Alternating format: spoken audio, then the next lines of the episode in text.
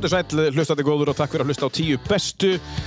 En eitt þátturinn sem fann í lofti við sendum hér út í, já eins og við köllum í beitni útsýtingu þessum þátturinn er ekkert kliftur uh, frá uh, podcaststudió Akureyrar. Við erum stödd á, uh, í höfuð borginni fyrir norðan eins og við köllum hana. Þó þessu höfuð staður og hér er alltaf gott veður og það er massmánuður uh, árið 2021. Um, við erum að þakka kostendum fyrir, það er Glerotorg uh, sem að kemur alltaf aðeins að þættinum og hjálpar okkur að auðlýsa og ímestett annað. Uh, við þakkum til fyrir það Glerotorg og svo er að Dressmann Akureyri sem að dressar uh, já, Íslendinga upp og hefur gert það í langan tíma. Þetta er norst uh, fjölskyldufyrirtæki stofn árið 1967 og með ekki mjög væntum að hafa þetta með mér þar sem að móðu mínu norsk. Ég er mjög mikill normaður í hjarta. Takk fyrir það Dressmann á Íslandi. Svo er það, uh, svo er það uh, X-Mist. Það er úðinn sem er komin í staðinn fyrir já, þetta helsta, uh, helstu spritbrúsa og við getum úðað þessu yfir rýminn og það er sótt reynsast allt við þurfum á þessu að halda guðmið góður. Það má þetta á sig en það má ekki setja þetta upp í sig og ekki gera það. Takk fyrir það X-Mist og svo er það Black Box Pizza á Akureyri sem að kostar þáttinn sömulegðis. Og núna dagana 21. til 25. mars árið 2021 eða þú ert að hlusta á þeim tíma þá eru alla pizzur á 1500 krónur hjá þeim. En ekki ringja ef það er ekki uh, og, og panta pizza á 1500 ef þessi dagsetning passar ekki.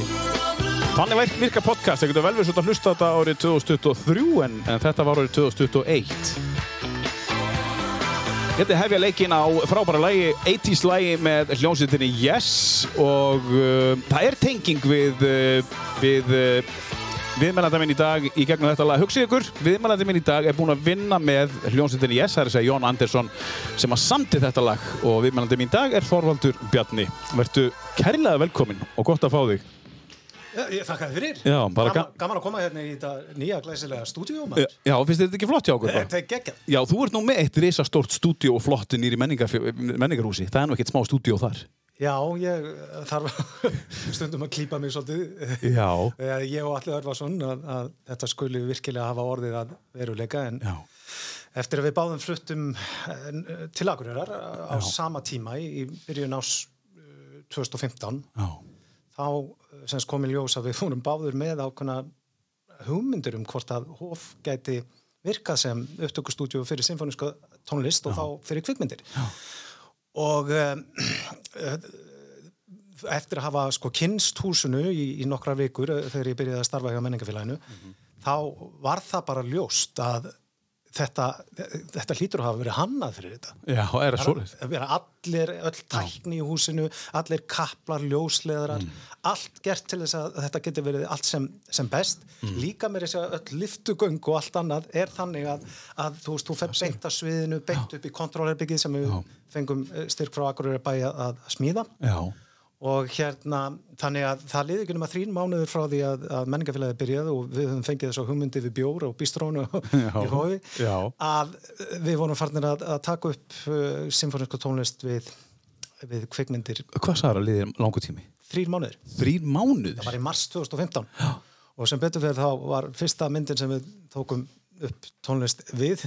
Um, The Perfect Guy -hmm. tónlist eftir alla -hmm. hún var uh, söluðasta myndin í bandaríkjónum setnum árið, bara í, í september Hvað sér þú? Þá náttúrulega vorum við konum með nafnspjald. Já, það er nafnspjaldið, já. Og síðan hefur bara verið fullt þarna í þessum verkutum hjá okkur, en svona eins fullt og getur orðið Já, ég meina ef það væri meira heldur en það er núna þá, þá myndu ekki vera neina rástefnur eða viðburðir. Ymmit, ymmit.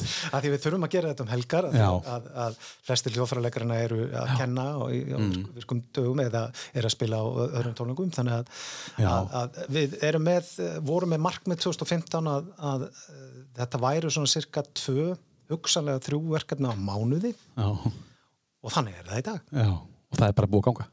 Já, það, við, við erum, semst, við erum á áætlun.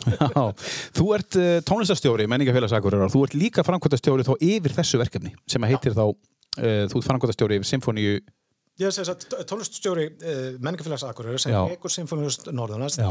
þar sem ég er þá listrætt stjóri Já. þeirra hljómsveitar Já. og síðan er Sinfonia Nord verkefni Sinfonia Hljómsveitar Norðunars Mm. project Mhm. sem að ég er frangatstjóri yfir. Þegar þú flutti Norður 2015 Já. Varstu með bæði þessi verk eða varstu ráðinn þá í annað þeirra og fjestu hitt þegar allir, þeir fóru að ræða saman? Nei, þetta er umverulega, ég verð sem sagt forsvarsmaður uh, Sinfonia Nord bara eftir að verkefnið er sett á laggirnar og verður fymta deildin innan mag. Mm. Þetta er eitthvað sem þið byggur til þú?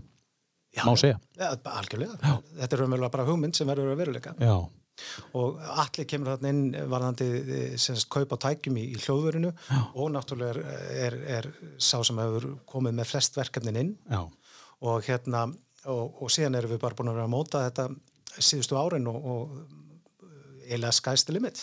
Er, er, er hérna húsi svona vel byggt um, það er svona vel byggt í kringum þetta eins og, eins og þú segir, það hefur verið sniðið í kringum það ánægst kannski að vita það eða hvað, var þetta bara svona vel byggt? Uh, já, þi- ég held að arkitektarnir hafi ekki Grísað. sko. Ég held að þetta sé tilviljun. Já, það var grís Já, en sagt, ég hafði farið mikið uh, sem að tengist síðan John Anderson pilnutið, ég hafði farið Já. mikið til Östur-Európu sagt um, árein hann á undan mikið í kringum 2004 til 2007 um, að taka upp alls konar symfóniska tónlist og eh, eftir hrun þá var það ekki mjög svona það var ekki, ekki alveg nógu góð business. Nei. þannig að vorum, ég var að leita að svona aðstöðu í Reykjavík af því ég náttúrulega er, er að frá Reykjavík þó, þó ég búi núna á Akureyri. Já, og mjög ánægð með það.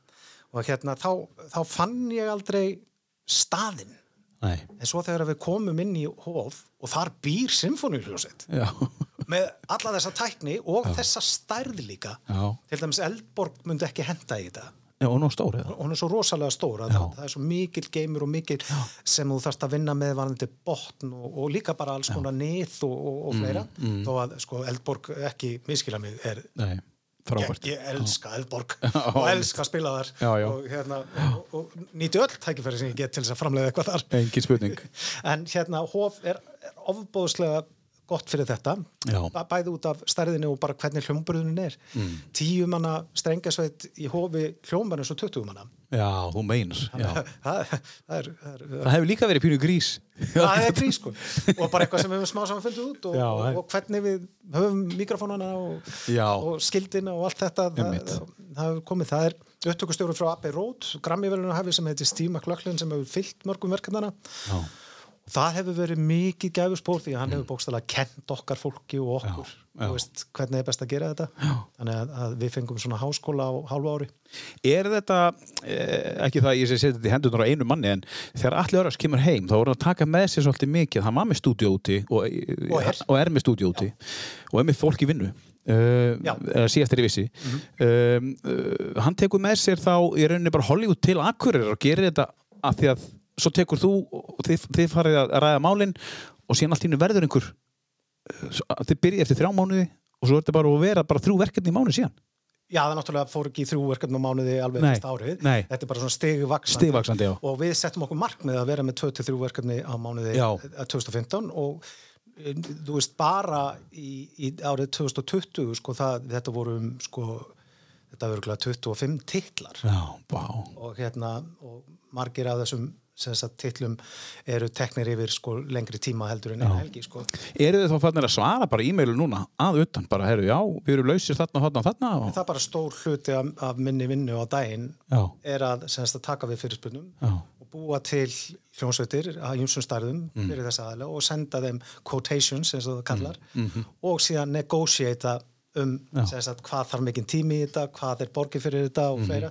Allir eru alltaf að leita að einhverjum leiðum til Mhm. Þess að klípa og svo leiðis. En svo eru koma verkefni sem eru á þærri stærra gráða eins og til dæmis í, í síðastlið sumar þá var, var kom hér tónskáld sem að var að gera tónlistina við The Old God Mhm. sem að er Netflix mynd sem að Clarence Theron er með alhutverkið sem Já, var já. bara mjög stór mynd það Það sem að uh, peningar skipti ekkert svo miklu máli, Nei. þannig að Netflix settist bara að hérna í næstu viku. Já, og þeir bara borguðu þessu verð. Já, já, Ekkert verið eitthvað að býta. það. Nei, nei. Nei. Þú veist, þeir spurðu út í sund okkur að það var svona árferðarkostnaðurinn, Já. en við útskýrum það bara, það voru allir sendir heim í COVID. Já, einmitt. Herðu frábært. Eh, Þorvaldur, eins og ég segi, gaman að fá þig. Eh, Ef við byrjum, þú kannski segir okkur aðeins, þú ert að sunna, segðu okkur hvernig og hvað þú ólst upp í Reykjavík og hvað, hvernig æskan var og hvað út mörg sískinni og byrjum á því aðeins.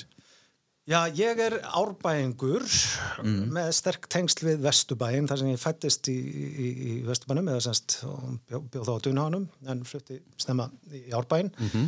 og varð sem, sagt, sem múlingur hlutað árbæjarklíkunni Já, sem að síðan e, sameinast e, hérna Vesturbæjarklíkunna klíkunni já. sem er í rauninu svona þessi 1980 suðupunktur sem verður á öllu þessum hljómsveitum eins og Pax Vopis og Exodus og Tappi. Tíkaras og uh, síðan Skein veist, Já, já. Kukl og allt þetta, þetta sem sagt var bland af þessum tveimur klíkum, árbæðarklíkunni og hérna og þess vegna var til dæmis Geiri Sæm Östur og, og vestur. já, Geiri Sæm og, og, og hún, Björk Guðmunds voru í Exodus mm. sem sagt út af þessum samruna Já, gerist já. allt á Hallareisplaninu maður Er það? Hittist þið þar? já, já, það, það, Og hvað var rætt? Hvað voru að gera? það var náttúrulega bara rætt tónlist og, tónlist og tónlist og, og brennivín og, og, og, og vitleisa Já, bara góð blanda. það var náttúrulega takt að vera á Hallareisplaninu með vetu nema að, drekka Það var svo kallt. það var svo ógeðslega kallt en, en þa- þarna ertu hvað? Þú, í, í hvað skóla gengur þú þá? Ertu þá í tveimur skólum, austur og vestur og, og Nei, ég er bara í ábæðskóla þú ert bara í ábára skóla? Já. Já. Já, já, já. Og það var bara skuttla á milli?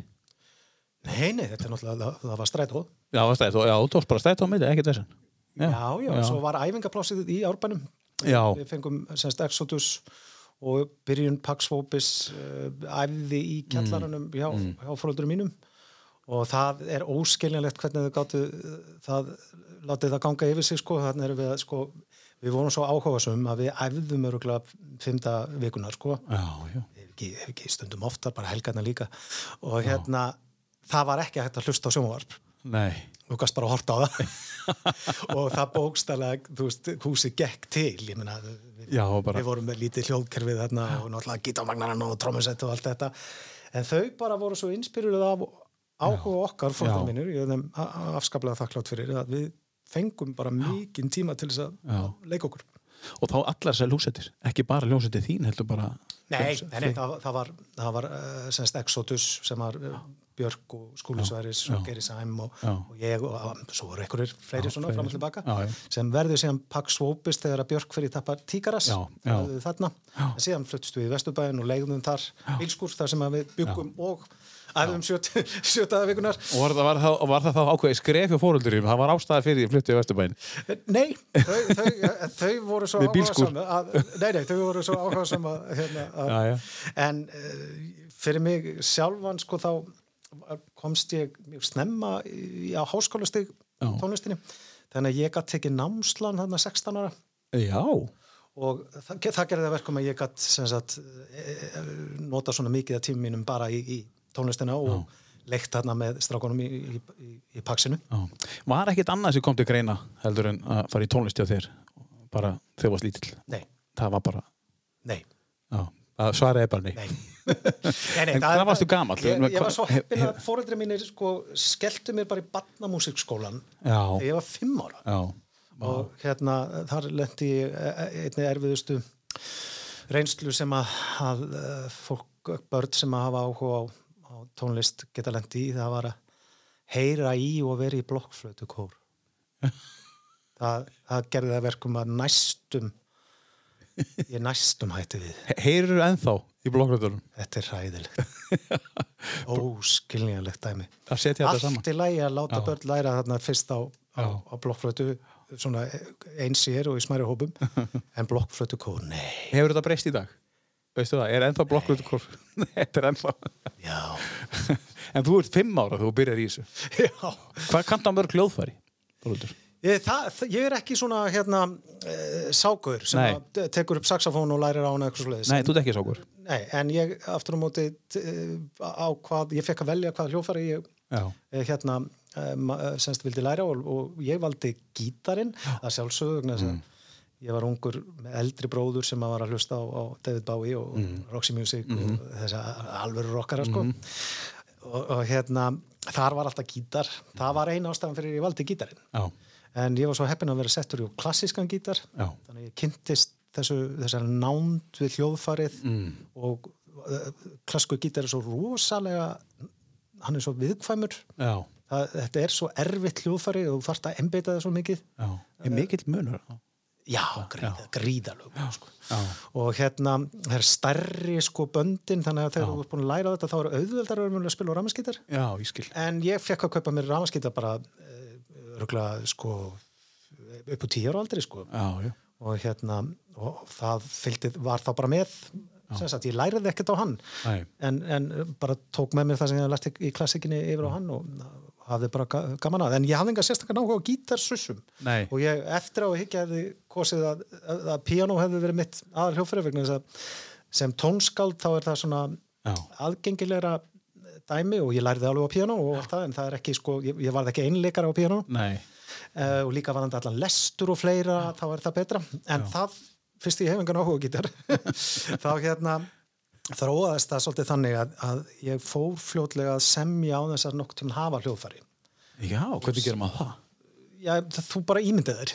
Já, já. setur bara prósessa stað í huganum og lögin verða þá til þar en ekki með því að prófa sig áfram með greipum og eitthvað svo leiðis þannig að þegar maður er að semja svona með gítarinn í hönd þá leiðir gítarinn þig alltaf svolítið í gítarlega tónlist. Já, af því að það er alltaf þessi greip og allt þetta, já. sama með píanum maður heyrir alveg mun og lagasmiðum keyboardleikara og gítarleikara Það er aðteglisast. Þú kannski heyrir þetta. Eða heyrir við þetta líka. Uh, ef þú verður að pæli því þá býst ég, við því sko. það er náttúrulega gítarleikarnir eru oftast að búa til þessi riff Já, einmitt. þú stónriffin og allt svo þetta kemur frá gítar og ekki píanuleikari fara að gera Nei. Einmitt. og allt þetta sko Gling, gling, gling, gling, hefur bara hljómað aðstæðlega á píanum Já, já, ég skil.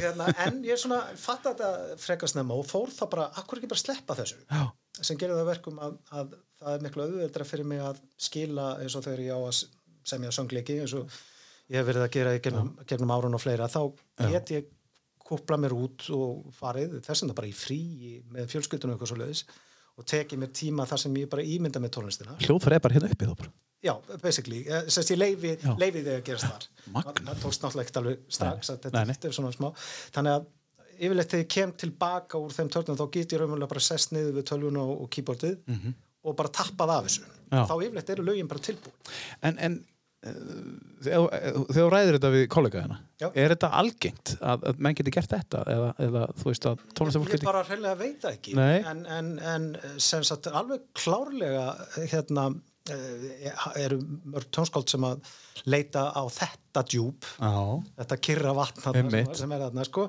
Og svo veit ég að margir hljóðfaraleikarar nýta sér þetta sem að koncertpianistar eða fyrirleikarar eitthvað sem þurfa að læra eh, einleiksverk utanaf sem er kannski, þú veist, hálftíma Já. tíma langt eða eitthvað já, þeir nota oft þetta að lesa þetta einu sem gegn með hljóðfarinu Mhm. leggja hljóðfarinu, horfa bara á loka magnað. augunum já, koma síðan láta undir meðutundina sjá um framvinduna þegar Já. þú kemur aftur að því Já. þá er, er þetta jafnvel komið aðeins í puttana. Auðvitað æfur þetta á hljóðfæri líka en þú, þú vilt eiga verkið í huganum þínu alveg til þess að þurfu ekki að nota Já. þegar þú heldur svona konsert sko. þó að sumi náttúrulega geri það. Já, en svo gera margir leikarar þetta líka. Að skoða textan einu sinni láta hann syngin, loka augunum Fara og sofa. koma aftur, þetta er kallað að sofa því Að sofa á því, já, akkurat, já. já ma maður sefur á ímsum, maður hefur aldrei vita hvað maður fara að gera. Þegar maður, ég ætla að sofa eins á þessari hugmynd. En, Já, það er ótrúlega oft sem, sem að vakna með lausnina já. en maður hugsar, þá áður með það að sofa þá. og þar má segja sko að lægið eða tónsmiðin er þá lausnin Já, að þegar þú setur kannski eitthvað áður en þú sopnar eða áður, þú þá setur þú kannski þér einhverja forsendur hvernig þú sér það að því að tónlist má alveg sjá sem eða allavega hjá mér er það þannig að ég sé struktúrin. Ég sé undir sé, ég, ég sé þetta sem hvert lag eða hvert tónsmið hún hefur ákveðna mynd í huganum sem maður getur skoðað svolítið í þrývit og þannig lúpast hlutir og fara að stað og, og, og, og ég held nefnilega sko undir með þetta sé kannski ekki vanmetin en Nei. hún er auðvitað ekki nýtt af öllum meðvitað með þessu þarfstu náttúrulega líka að, að eigða svolítið miklum tíma með sjálfur og, og, og þú gerir það og, og er það ekki, eh, ertu svolítið mikið einn að dunda þér í, í þessu? Þú þarfst að vera einn, þú, far, þú má ekki vera tröflaðið þannig sko. Jú, ég að það er að góða við þetta. Er að, ég, ef ég þurft alltaf að nota hljóðfærið mm. þá þurft ég alltaf að kopla mig frá. Mm -hmm. en ég get alveg skert þetta að eh, við hliðin á konunum minni Mhm. þú veist, í, í svefni eða mótni eða, þó hún sé eitthvað að segja sögu og eitthvað Já, ég meina, ka- kannski ekki nýti, nýti kannski tíman þegar hún er að lesa. Já, en, en sem sagt, þó að það, veist, þetta er ekkert rosalega viðkvæmt fyrir tröflum nei. En, en, náttúrulega, ef maður er standlust að bladra, það náttúrulega gerist ekki mikið. Ertu, uh, þú veist, þegar þú átt, þú leifir þess að vera, þú ert ekkert að hamast og þú- liggur svolítið og, og hugsar og, og reynir að búa okkur til þegar Já. maður ánú ekkert mikið alone time í dag þegar það er, þú veist, það er alltaf eitthvað um að vera. Göngutúrar eru góðir. Göngutúrar, já, og, og allt svoleiðis fjallgöngur og fleira þar, Já. þar er hægt að láta hlutina malla já, enda já, já. og jafnvel hjálpar sko. Já. Að maður, maður sér ekkert oft mikið um hverjum Nei, Nei þú ert bara að horfa beitt fram. Herðu, en uh, Þorvaldur, við skulum, þú fjast verkefni að, að koma með tílaða lista. Ég verða, ég verða að segja það, það, hérna, ég, ég, ég baði eitt um að koma í januar og hann kom til mér núna í mass og það bara, hann var ekki tilbúin, hann var búin að vera í tvo mánu bara, þetta, þetta bara, var bara vandamál. Þú, þú gerðir þetta eins og þú vissir nákvæmlega hvaða lög þetta voru. Þú bara, já, eru listinni hér? Búm, ekkert mál. Eh, þú áttir, og spyrir, áttir uppáhaldslag, áttir uppáhaldsljónsitt uh, ég átti mér uppáhaldslag og uppáhaldsljónsveit já, og það var alveg klárlega hljóstinn Yes. Já, ég eitti miklum tíma af mínum uppvöxtegi að hlusta á þær plötur. Og í raunverulega á raungun tíma vegna þess að ég er 80s gaur já, og hefði átt að hlusta á Djúran Djúran en fjall fyrir þessu proggi.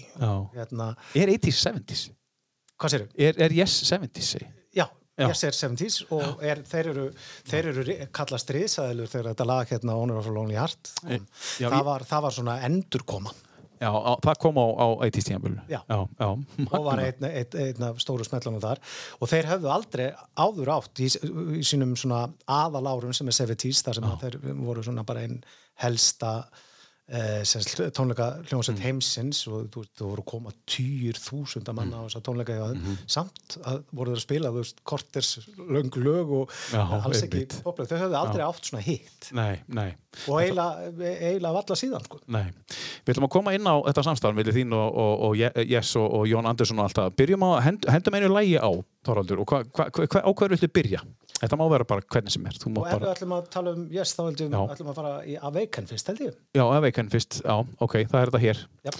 Og uh, segðu okkur aðeins, þú veist, fyrst bara, þú veist hvað þetta er, þetta verk.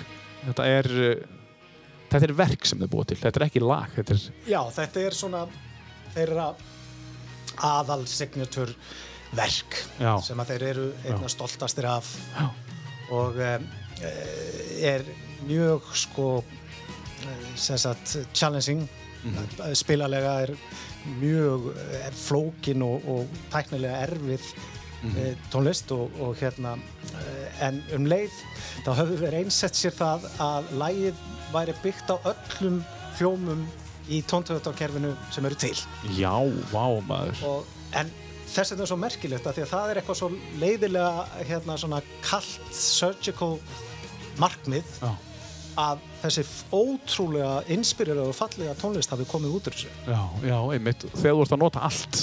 Já, alla hljóma Já, alla hljómana. Herru, við skulum hleypa aðeins, við skulum leifa, er þetta ekki Jón Andersson syngur þetta? Jú. Syngur eins og engill, við skulum leifa þessu aðeins að, Hann er 69 ára þarna hann er 69 ára þá.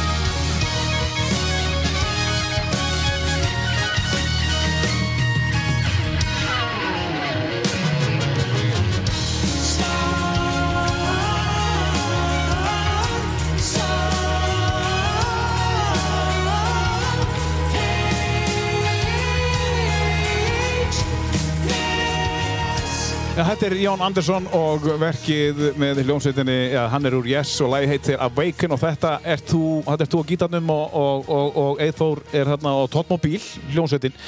Segð okkur aðeins frá þessu, Þóraldur, þessu fyrsta lagi, hvernig komst í sambandi við þennan dúta og, og þetta er eina af þínum uppáhalds hljómsveitum, Yes, og þetta er það að vinna með honum. Getur þú komið í síkur orð?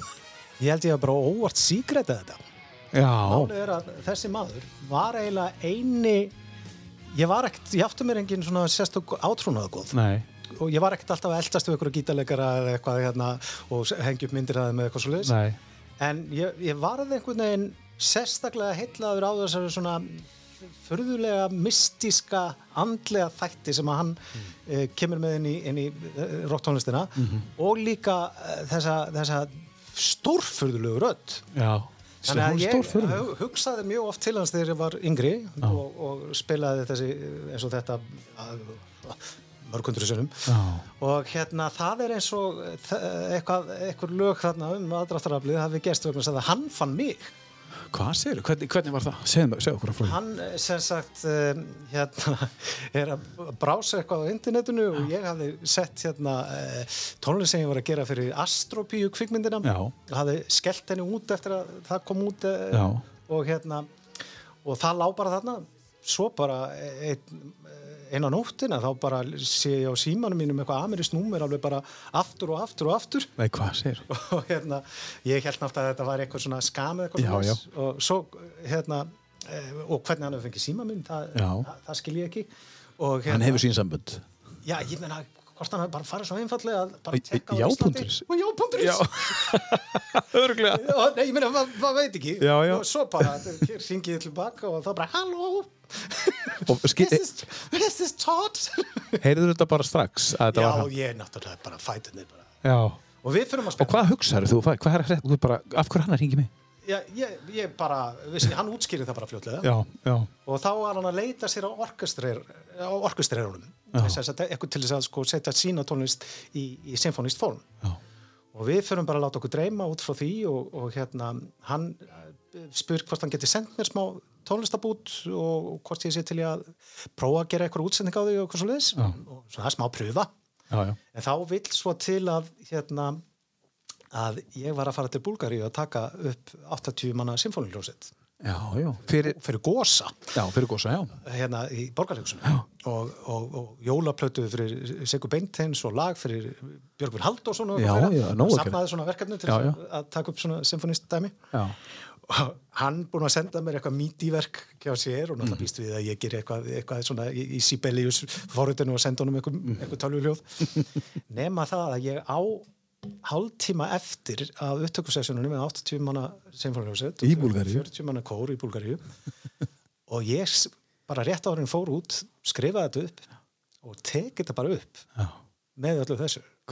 Hann alltaf, alltaf ekki vonan einu bara sendi honum þetta. Já eins og bara full frá gengið líku Já, þetta, við kallum þetta með þessi völusbá ég, ég bara bullaði eitthvað texta á völusbá ég var að semja verk sem heitir völusbá og skellti þeim texta yfir. Já. það var náttúrulega rosalega mistist leys að maðurinn náttúrulega, hann misti náttúrulega bara andlitið. Já, og þá bara var komið upp svo stað að hann hérna langaði að, að við myndum semja saman. Og uh, við stemdum á að hittast í 2008 í Toskana, í Ítalju ég var með þess að búin að leia hús semst, fyrir okkur og þar ætluðum við að semja semst, eh, verkið sem ég síðan samti setna mm. sem er symfónisljóð sem heitir, heitir Völusbá sem var flutta symfóniljós Norðurlands bæði í Hófi og í, í Norðurlandahúsinu í Færi mm -hmm. Valgerður Guðnardóttir söng mm -hmm. en semst John ætlaði að semja það með mér Já. nema hann veikist heftalega þannig að hann í rauninu skildi við og, og var, var lífgæður tilbaka Já. og hérna uh, þannig að ekki varð úr því Nei. en við heldum sambandi Já.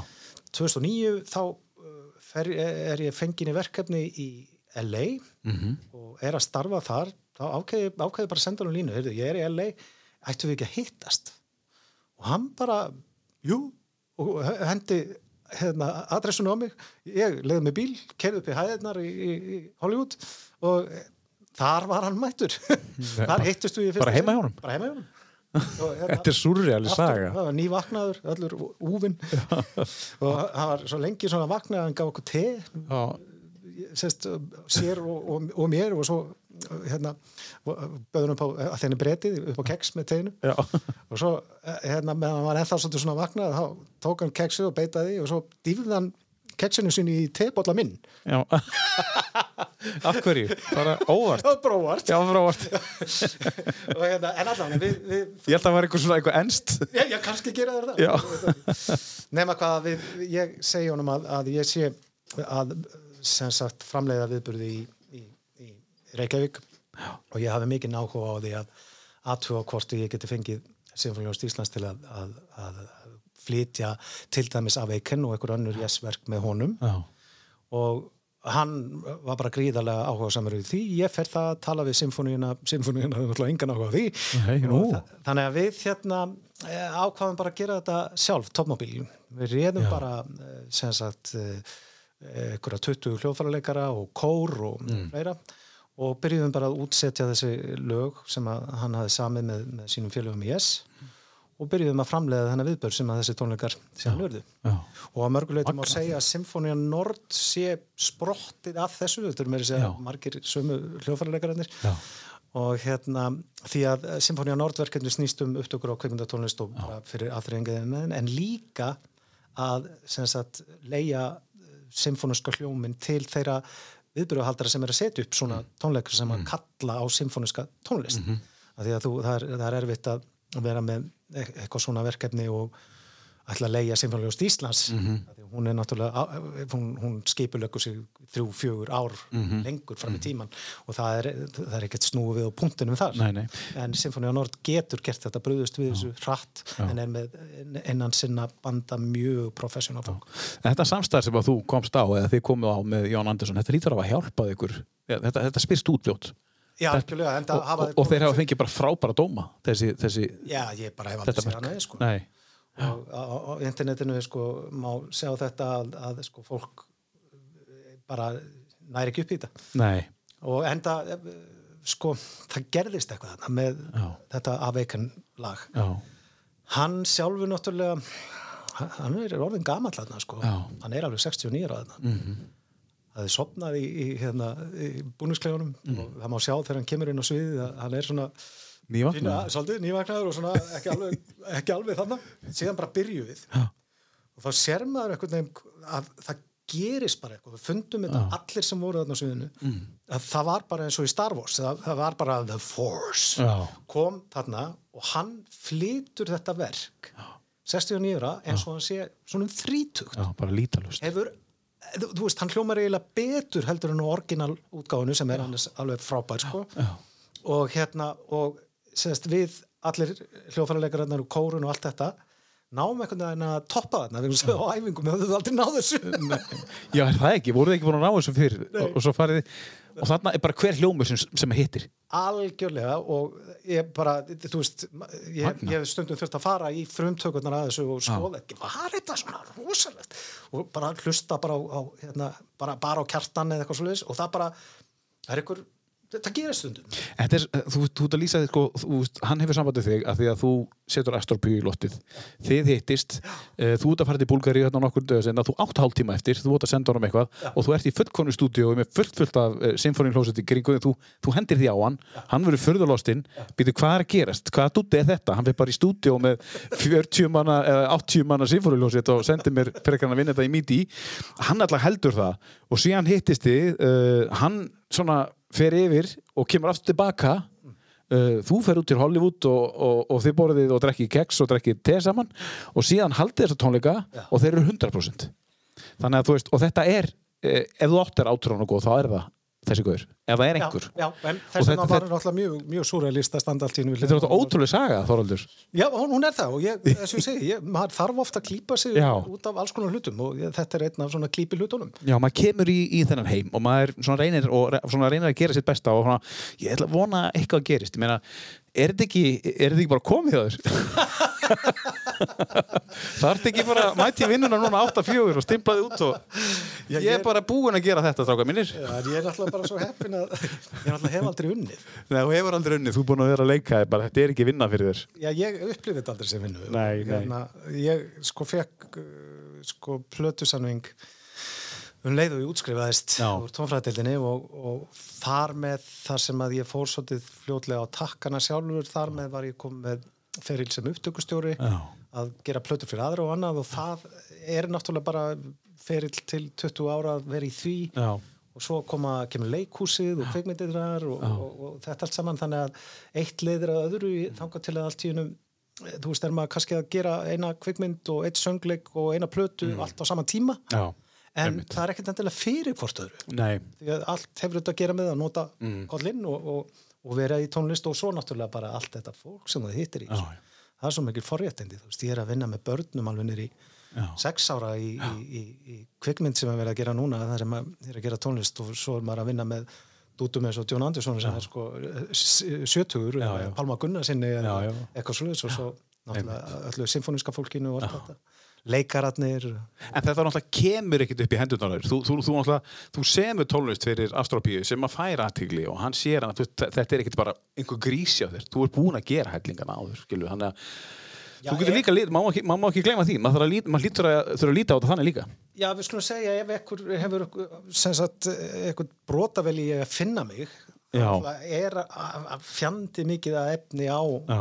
internetinu sem þú finnur fljótlega sko, það er náttúrulega öll þessu Eurovision lög Já, já. náttúrulega tíu plötu með síðan, tíu plötur, sko. já, og örgulega sko, hátt í hundra plötur með öðrum sko. Já, já. þannig að, að það kemur svona víða og, og ef þú ert að leita þeirra þú veist, lagasmið upptökustjóra eða eða arranger eða eitthvað svoleiðis, þá, þá getur þú tengt hérna, punktana og oft kemur eitthvað bara þannig sko. En þú er búin að vera svolítið upptekinn, þú hefur aldrei verið vinnun, er vera, þú er búin að vera upptekinn síðust árin.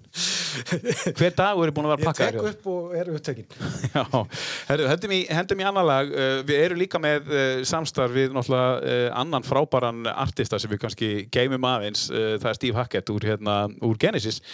Um, og fáum þá sögu alla á eftir, en, en við skulum taka eitt svona, hvað maður að segja, venjulegt lag sem er ekki unni með einhverjum, einhverjum stórstjórnum uh, Hvað er með, hvað er að spila núna?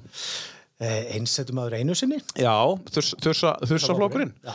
Já, um, Þursaflokkurinn verður ekki til í, þessari samsugu austur-vestur eins og talaður um ára eða hvað? Nei, þeir eru náttúrulega forverar okkar. Þeir eru forverar, já Já, en uh, í mínu tilvíku ég algjörlega átrúnaða góð sko. já, ég menna Þórður Árnarsson gítarleikari er náttúrulega Já. algjörlega sér á parti. Já og eh, Tommy Tom bassarleikari og Ásker trómuleikari eru svo æðislegir hljóðfærarleikarar á algjörlega unik hátt Já, já. eiga algjörlega sína rödd en svo bara eh, bara alveg sama hvað eh, fólki finnst um hvað hérna, Egil Lólusson gerir eða gerði eða eitthvað svo leiðis Já.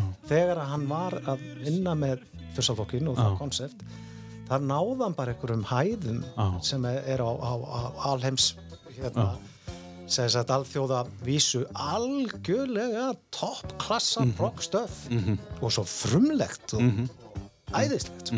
Þetta er pínu rock, punk og þetta er líka svona folktónlist Já. Íslensk svona þjóðlaga tónlist Við byggðum náttúrulega fyrstu plötunar bara á íslensku þjóðlögum Já, og ég hef aldrei hert nokkur gera það eins vel nei Þú veist, ok, það er margir sem að náttúrulega eru í klassíku tónlist og er ekki mikið að skoða líka mm. dagurtónlist, hafa kannski ekki smekk fyrir þessu, en eh, ef einhver staðar hefur tekist vel að, að krossa þetta bil, Já. þá finnst mér þursalflokkurinn á því. Já.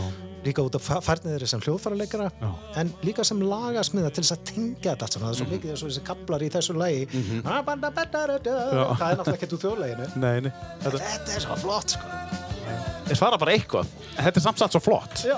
Skulum aðeins heyra þetta, Þursaflokkur er einsettum að reynu sinni af uh, plötunni hinn íslenski Þursaflokkur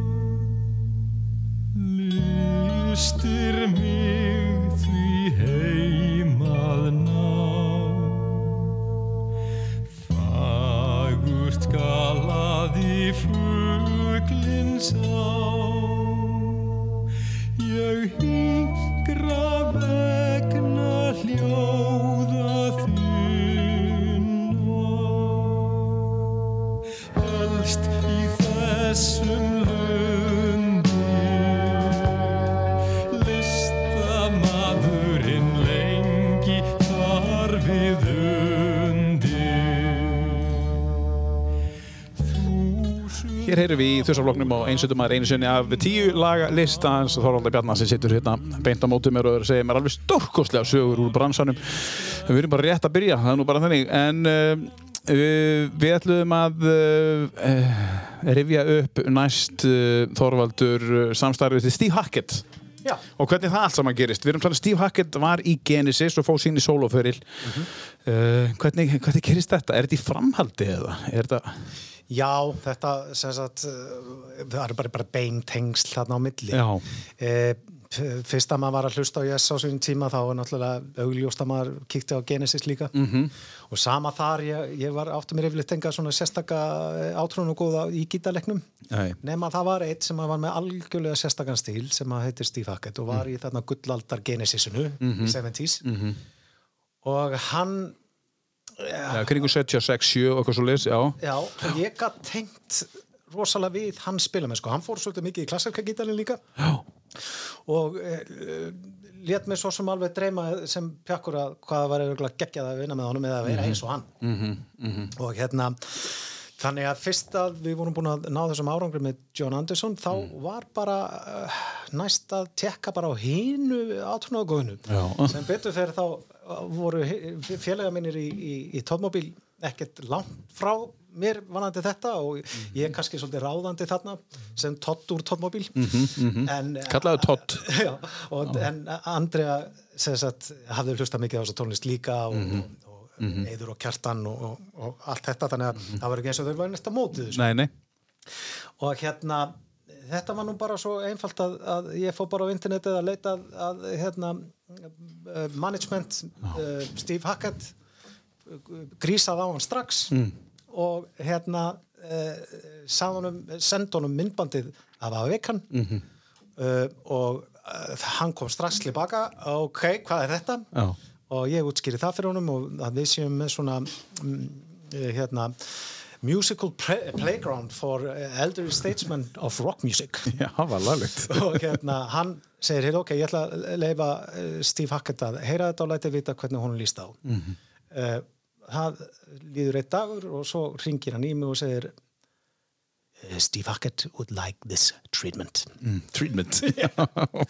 það er þá það að við tökum þessi Já, hérna.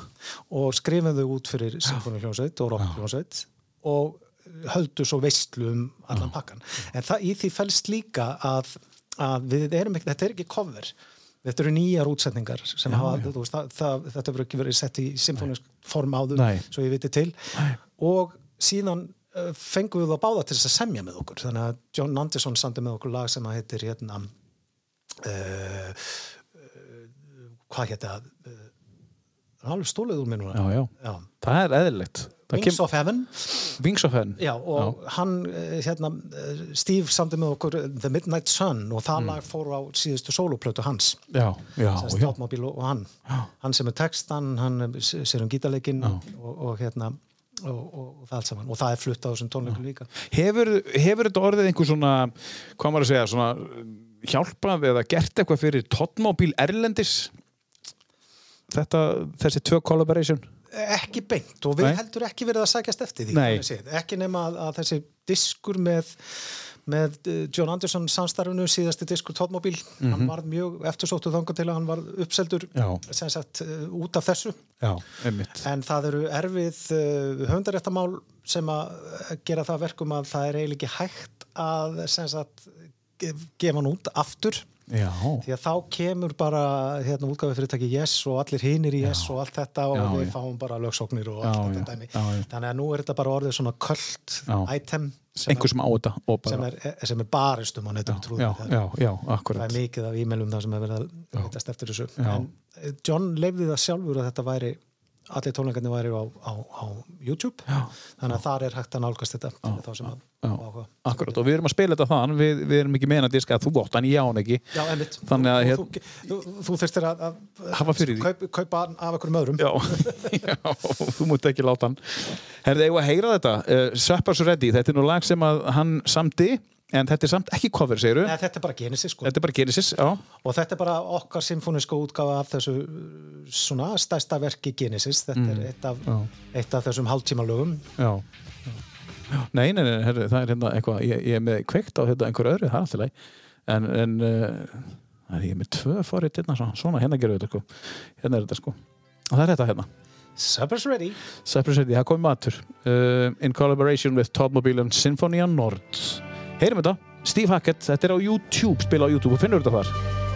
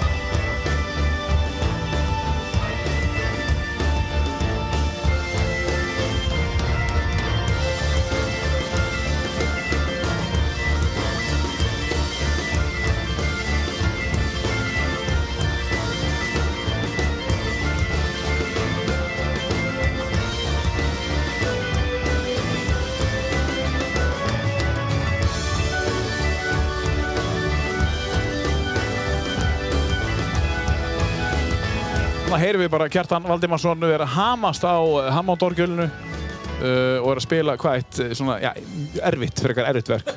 þetta er svona stærsta verk Genesis frá Proximul Já, sko einmitt, akkurat. Og þarna erum við að heyra, og hvar er þetta tekki, hvar er, eru tónleikarnir? þetta er eldborg Þetta er Elborgin maður og hann er Eithor að syngja og þarna er tónmobil. Já, og það, þetta er þá í fyrsta sinn sem að Symfónius Norðurlands er að spila í, í Eldborg. Já, þetta er fyrstskipti. já, og sem hún síðan hefur gert mörgu sinnum síðan. Já, já, til dæmis með Dimmu Já, og einmitt. hérna, Andrea Belú úr, úr, hérna, King Crimson Já, og í, í, í myndunum um hérna, Lord of the Rings og já, já, alls konar. Já, já, já, æðislegt.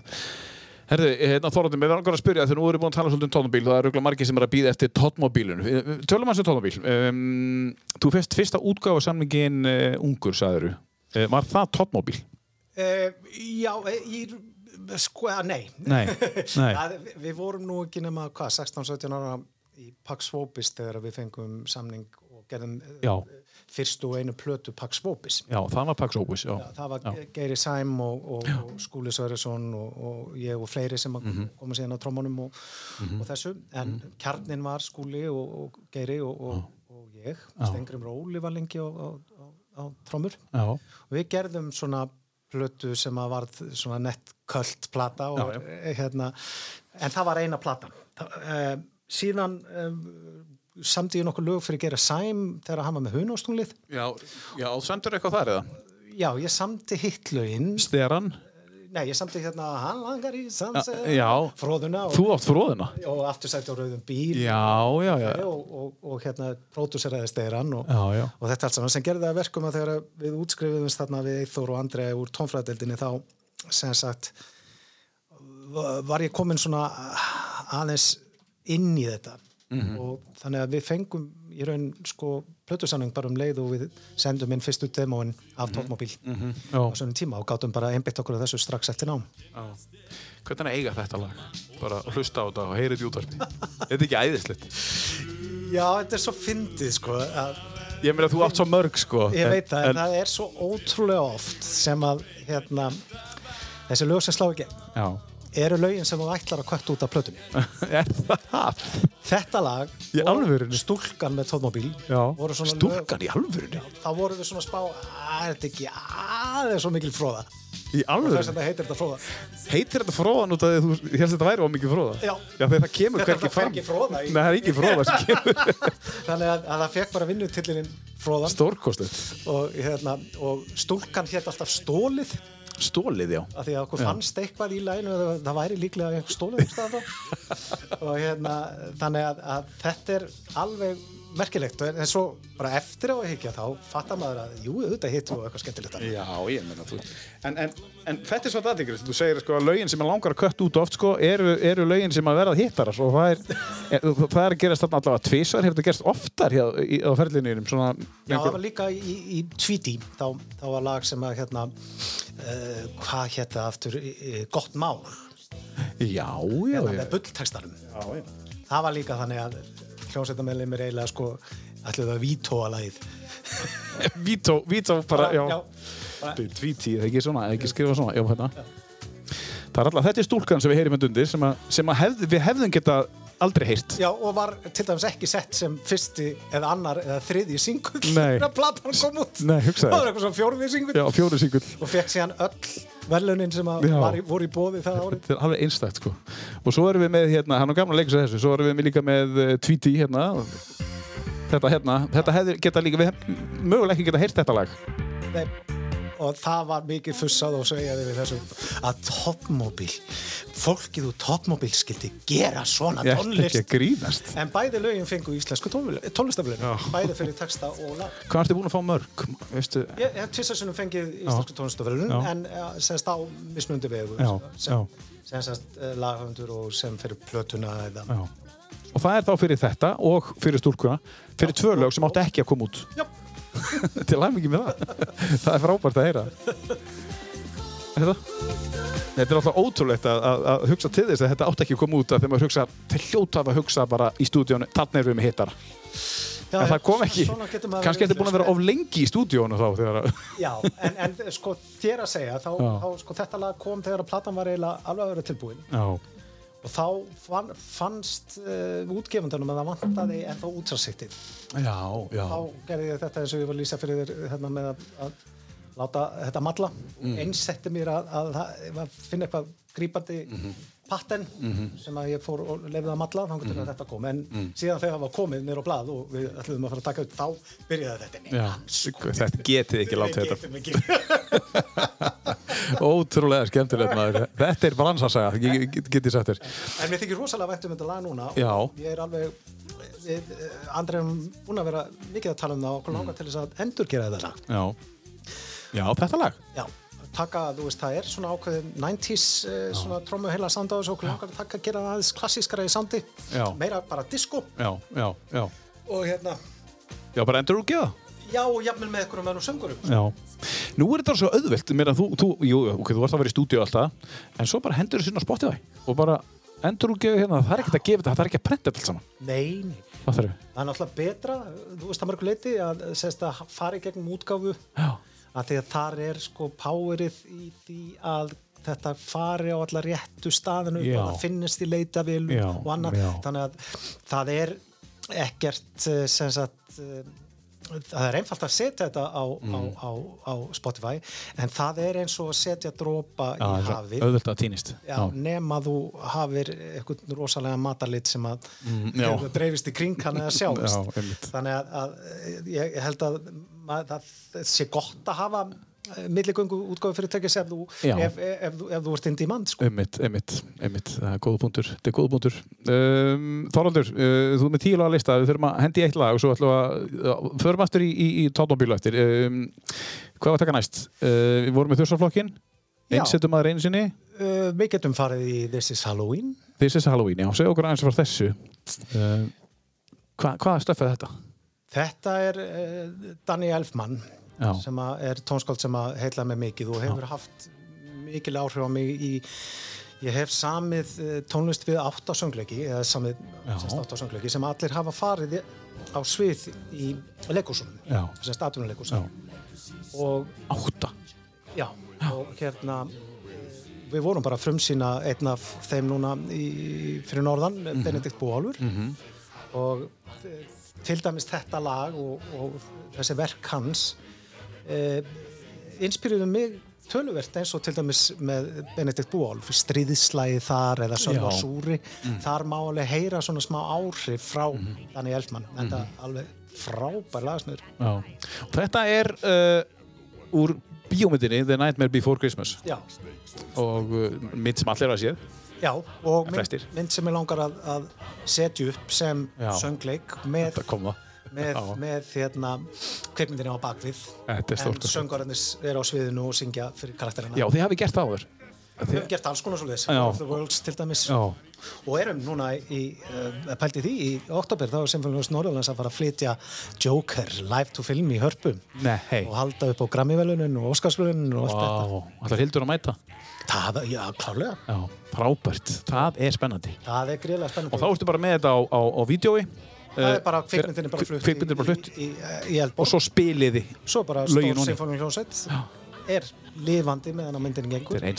Og hérna, þetta er svipað eins og við höfum verið að gera með Lord of the Rings Já. nema að þetta er náttúrulega bara svo persónulegt mm. því að pappennar er hljómsveitstjóru og hann mun stjórna og þetta er, þetta er hérna 10. oktober Herðu, það er bara mjög fallegu dagur. Það er amalistæður minn. ja, til hamingjum með það Takk fyrir. þá kemur þú á Þá ætla ég að mæta. ég líti að fá frí með það. Í amaliskjöf. Nei. við rættum því Herðu, þetta, heyrim hans í hérna, uh, Danny Elfman. everywhere. Life's no fun without a good scare. That's our job. But we're not mean in our town of Halloween. This town. Don't we love it now? Everyone's waiting for the next surprise. Skeleton Jack might catch you in the back and Scream like a banshee, make you jump out of your skin. This is Halloween. Everybody scream. Won't you please make way for a very special guy? One Jack is king of the pumpkin patch. Everyone hail to the pumpkin king. Now this is Halloween. This is Halloween. Halloween. Halloween. Halloween. Halloween.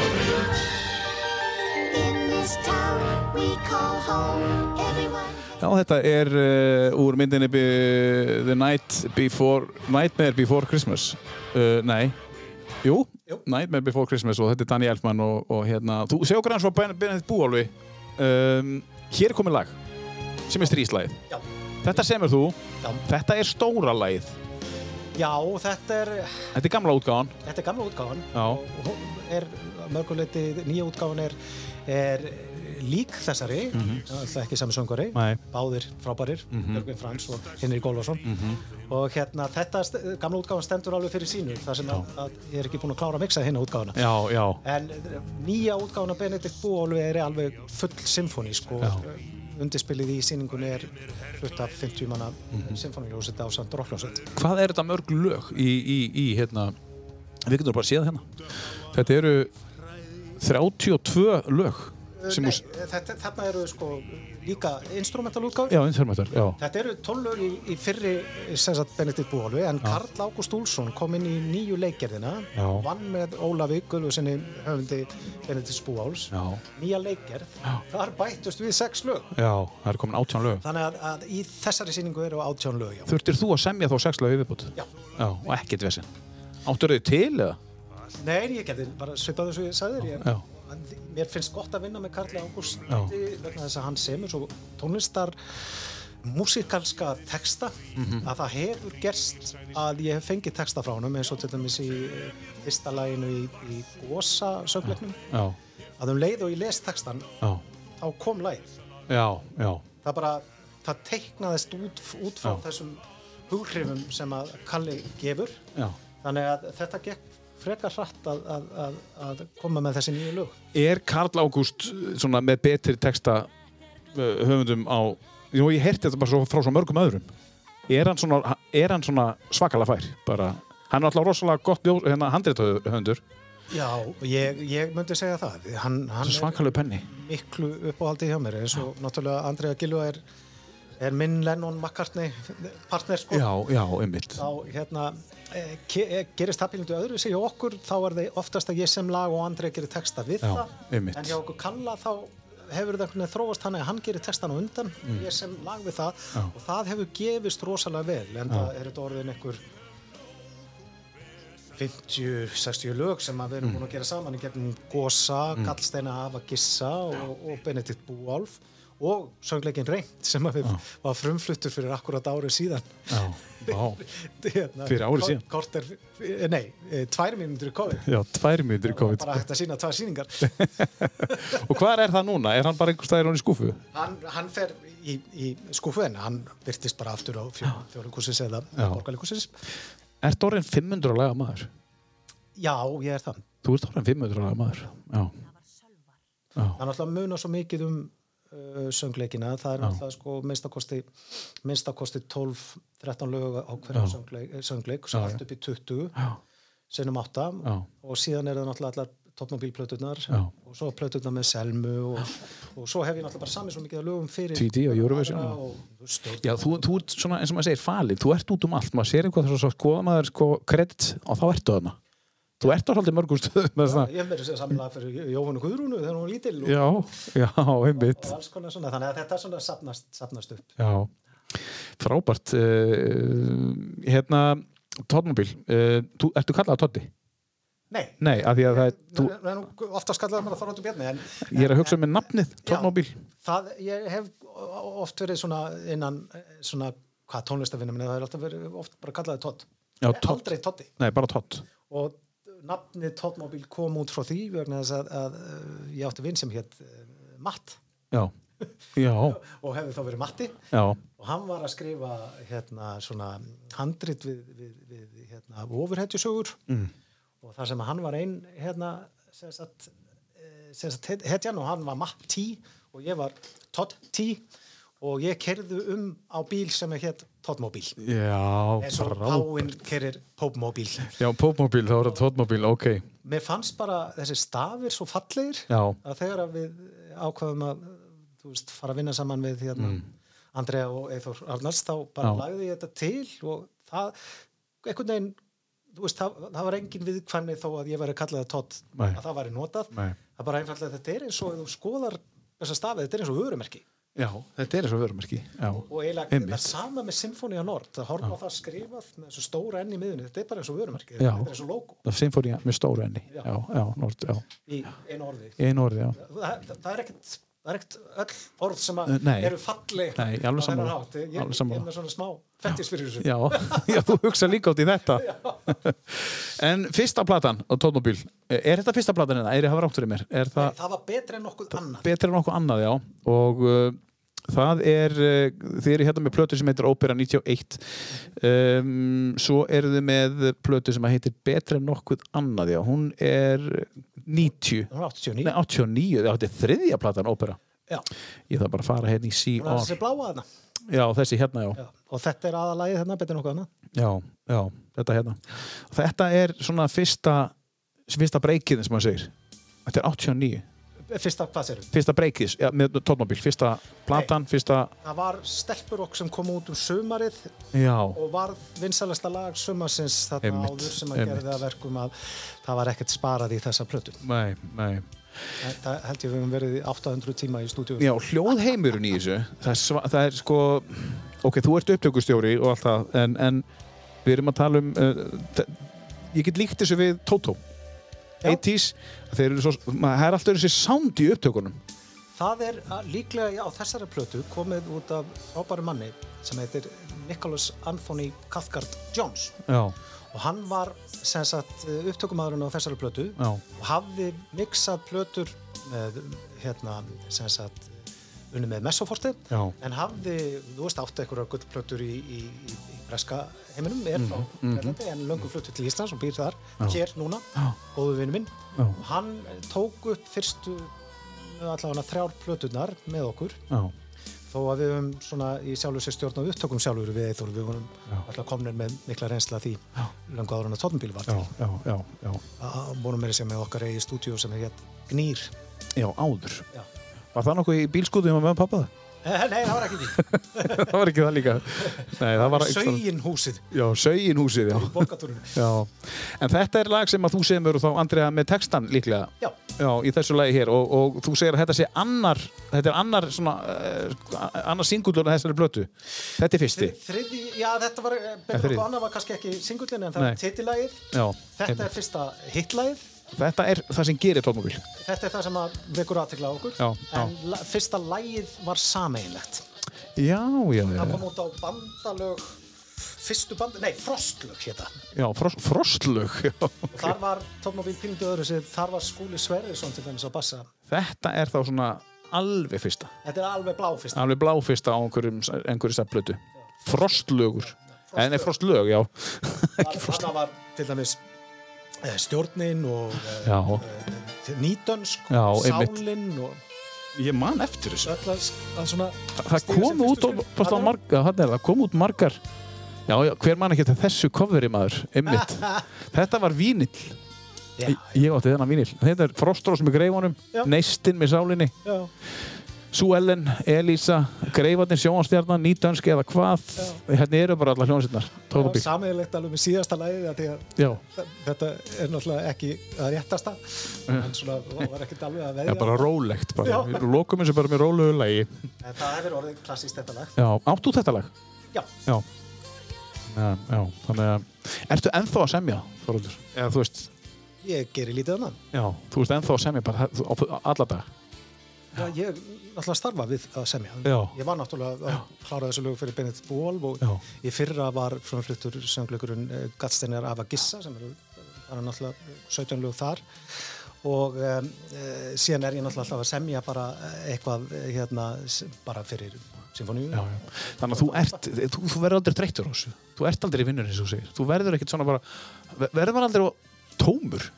Jú, jú, auðvitað einhvern tímann, en svona, F- þetta er náttúrulega bara svo mikil partur af þér sjálfum Já. að þú, eins og ég segi, ég hugsa ekkert um þetta sem vinnu. Þetta er bara, þetta er, bara, þetta er svolítið svo að bara borða og anda og já, allt þetta. já, og ég er að gera tónlist fyrir kvikmyndir líka það er náttúrulega þá er maður að semja eftir pöntun sko, þannig að það er ekki alltaf lög þar.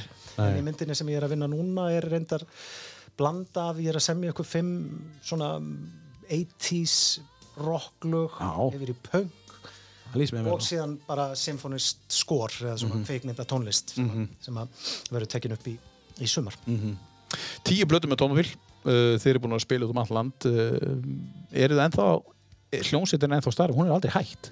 Við erum í salti núna Já, er salti, við sem sagt svona setni helmingurinn á, af, af ferlinu núna svona síðari ár hefur farið í þetta projekt sem er hérna, þessi hérna, tónmobil Mhm. leikvangurinn með okkar svona átrúnaða góðum Hackett og Andersson, já. Já, og Mitch Ure úr Mitch Ure, já. Og Nick. Nick Curso og, og Já, nú, nú er búið að vera í auglýsingu lengi Tóðmobil Symfóniuhljósett Norðurlands og Tony Hadley úr, úr Spandu Ballet. Já, og átt að vera núna í oktober uh, sem sagt uh, síðast ég vissi en, út af COVID hefur verið fresta til 22 þannig að Já, við, fórum í pásu fyrir uh, einu og halvu ári síðan og ætluðum að koma aftur núna í haust. Mhm. en það færist fram á vorið 22 þegar við komum fram með Það verður.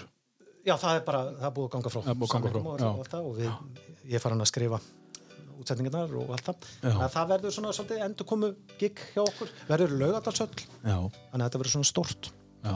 Hérna heyrim við í Spandabali, þetta er nú eitt af þeirra stærstu lögum. Þetta er alltaf frábært 80s band, sko. Og, og hérna, og, og hérna, þið eru að fara að vinna með þessu gæ og eru búin að vera að vinna með þessu gæ líka. já, hann er, hann er, næst, næstur á listanum. Já. þeir eru aðeins að yngjast. Já, já, en þetta er komin sem ég til dæmis í átrjón og góðu mitt einn af mínum átrjón og góðum, þú veist, það er, það er, þetta er öll hljómsveitin, það er frábært, frábært band. Um, Þú sagði mér að mögulega værið að fara að spila í Royal Albert Hall Þú varst komið með eitthvað? Já, við, sagt, það hef, var markmið hjá okkur að, að þegar við vorum að- búin að starfa með svona stórum tveimur artistum frá þessu tímabil í prog tónlist sem er Genesis og Yes. Þetta eru, þetta eru svona Hvað þýðir brogg tónlist fyrir það sem veit ekki? Svona, það er svona, já, það er eiginlega það, þetta var kallað progressive Já, rock. Þetta var, var svona uh, þróað var kallað. Mm. það, það gengur út á svona meiri spilamennsku fleiri kapla flóknari tónlist og, og svo. Já, já, og hérna e, það, það, það urðu til svona ákveðnar svona hvað ég að segja, stólpar í þessu og, og Yes og Genesis eru svo sannarlega ein, einir af þeim já, já, já. þá var bara komin áhugi hjá agentum í Breitlandi að setja spyrða þessu saman þar sem að John sem söngvari Mm. og Steve Hackett sem gítarleikari uh, og Topmobil sem hljómsveitin mm -hmm. Symfónius Norðurlands sem, sem Vá. þetta symfóníska og að eh, hann, eh, hérna, Rick Wakeman myndi stiginn sem hann síndi mikinn áhuga og það var búið að finna date og ég held að það verið oktober, oktober 2016 minni mig í Royal Albert Hall og undirbúa og allt það. En þá kom managementið hann, hans uh, Steve, nei, hans hérna Rick Wakeman já.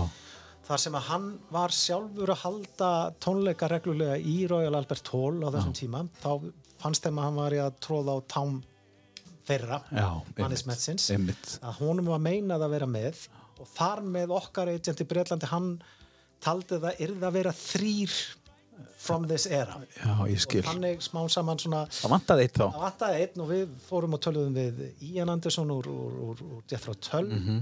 hann lagði ekki í þetta og við, við töluðum um fleiri eh, og síðan bara þú veist, tó- tók ég við starfinu hjá Já, Sinfónías Norrlands og fleira og það er svona, þú veist, það þarf svo mikið fókus á svona hlut, en það er ekkert lóku fyrir Nei. skotið að við gerum það Þetta er á ís, þannig að þetta er... þetta gæti alveg vaknað aftur og, og, og bæði John og Steve eru oft í samband þetta hefur svona eins og, eins og kvika. Byrjað að, að, að hóta að koma upp og svo kemur eitthvað sem að menn fara í nýja plötu eða Það verður ekki elgós Já. og svo verður elgós. svo bara við sjáum bara til Já, frábært. Herðu, vind- vindum okkur í listaðinn, uh, Þóraldur. Um, eigum að taka hérna, mér langar svolítið að, eigum að taka þetta hérna með, með hljónstundinni sem að þú varst í? Já.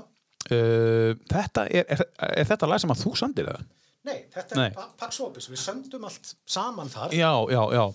eh, nema hvaða skúli Sverjason bassalegari átti svona hugmyndir af þessu lagi en ég Mhm. vildi hafa þetta með það því að ég vildi svolítið minnast vinna míns Geira Sæm Já, já, einmitt, akkurat, akkurat. hann var, hann var svo, svo ótrúlegum stað á þessu tímbili sem við gerðum þessu plötu hann var, hann var bara aðal töffarinn Já, já, og svo ombóðslega flottur geggjaður í Gríðarlega. fallegu maður mm -hmm. svoleiðis já, gríðarlega flottur. Já, já, já.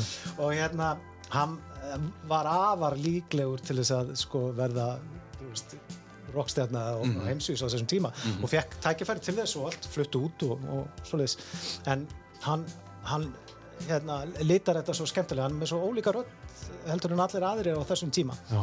að skellti þessu Já. Við skulum heyra þetta Mirror Eyed uh, með hljómsveitinni Pax Vopis Fæ kannski uh, söguna með uh, nafnið á eftir. Bara pínu forritin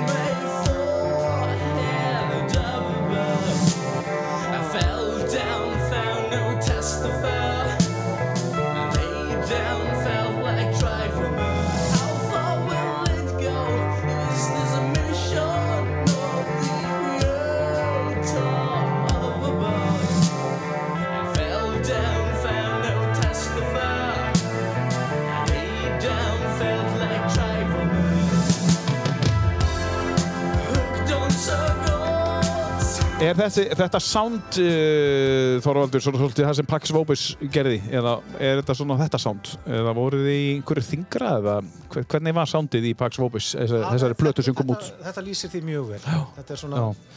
það er alltaf þessi eh, svakalegi bandalösi bassi sem að skúli spilaði þarna á, á, á sko, ótrúlegan hátt sko. Já, og þessi svona þessi plokkaði gítar unni með dílegjum og svoleiðis hjá mér já, og svo þessi söngur sem er svona meiri í stíl við Japan frá. Breitlandi á Já. sín tíma já, já, já. Og þetta var áttalega plata? Já. Já, og sem við gáðum út árið 1984. Já. Og þetta er 80s þá. Þetta er eins mikið eitt sem getur Já, en við letum ekki sjá okkur út á götu nema alveg sko stímmálaði Steve Málaður með, með, með briljantínu. í, í fötum af maðurum okkar Já, flottir. Áttu myndir á þessu tíma? Já, já, Já, frábært. Kíkir á það reglulega. nei. Uh, nei, herðu, en um, já, en svona uh, áður við förum yfir í næsta uh, mér langar að taka eitt lagi viðbútt að því við erum að, við erum að ná, ná lögunum. Um, áður við förum í næstu, næstu umræðu. Hvað myndur við vilja taka næst, svona brot úr einhverju? Um, ekki hlust að bá í? Bái, jú, jú. Ertu mikill Bái eða varstu Bái maður segir maður ekki ertu Bái maður þó hann sér látin eða hvað segir? Jú, jú. Já, Hérna, ég sko miða við þetta sem að hefur gerst undanfærin tíu ár þá hefði ekki komið mér á óvart að ef Bái var alltaf á línunni. Já, þú meinar. Vegna þess að sko hann var einn af þeim sem að ég hugsaði mjög og Já. hann var á listanum hjá okkur í topmobil áður en að sko hann var reyndar orðin það veikur þegar að, að við byrjuðum á þessum að við áttum sennilega aldrei séns. En við, það, eiginlega enginn vissi hvað hann var mikið veikur. Nei, þannig að, að en hann var uh, klárlega einn af þeim sem við ætluðum að reyna að, hleypin á leik, eða sem sagt bjóðin á leikvangin okkar já, já. Og gera symfóniska tónlist við með Rocky og öllu því. Það hefði verið algjör draumur. Já, en ég get ímyndað mér að, að ég hitti Bái aftur með því að, að setja upp uh, söngleikina sem hann, hann, hann samdi rétt af hann dó. Lazarus, Hva, hvað heit hann, Lazarus? Já. Já, já, já. Geggjaður Hann ætlar að setja hann upp. Já það er, ég, það er á, á tekniborðinu, ekki spurning. Heyrum hann að þarf að gera. Bái góð skil. Já, það er rétt. Uh, David Bowie, Aladdin Sane hei, hei, heitum þetta uh, það heit- heitir þetta lag sem við heyrum hér á tíla listanum hans Þorvaldar Motor sensational. Paris or maybe hell. I'm waiting, clutches of sad remains. Wait for Aladdin saying,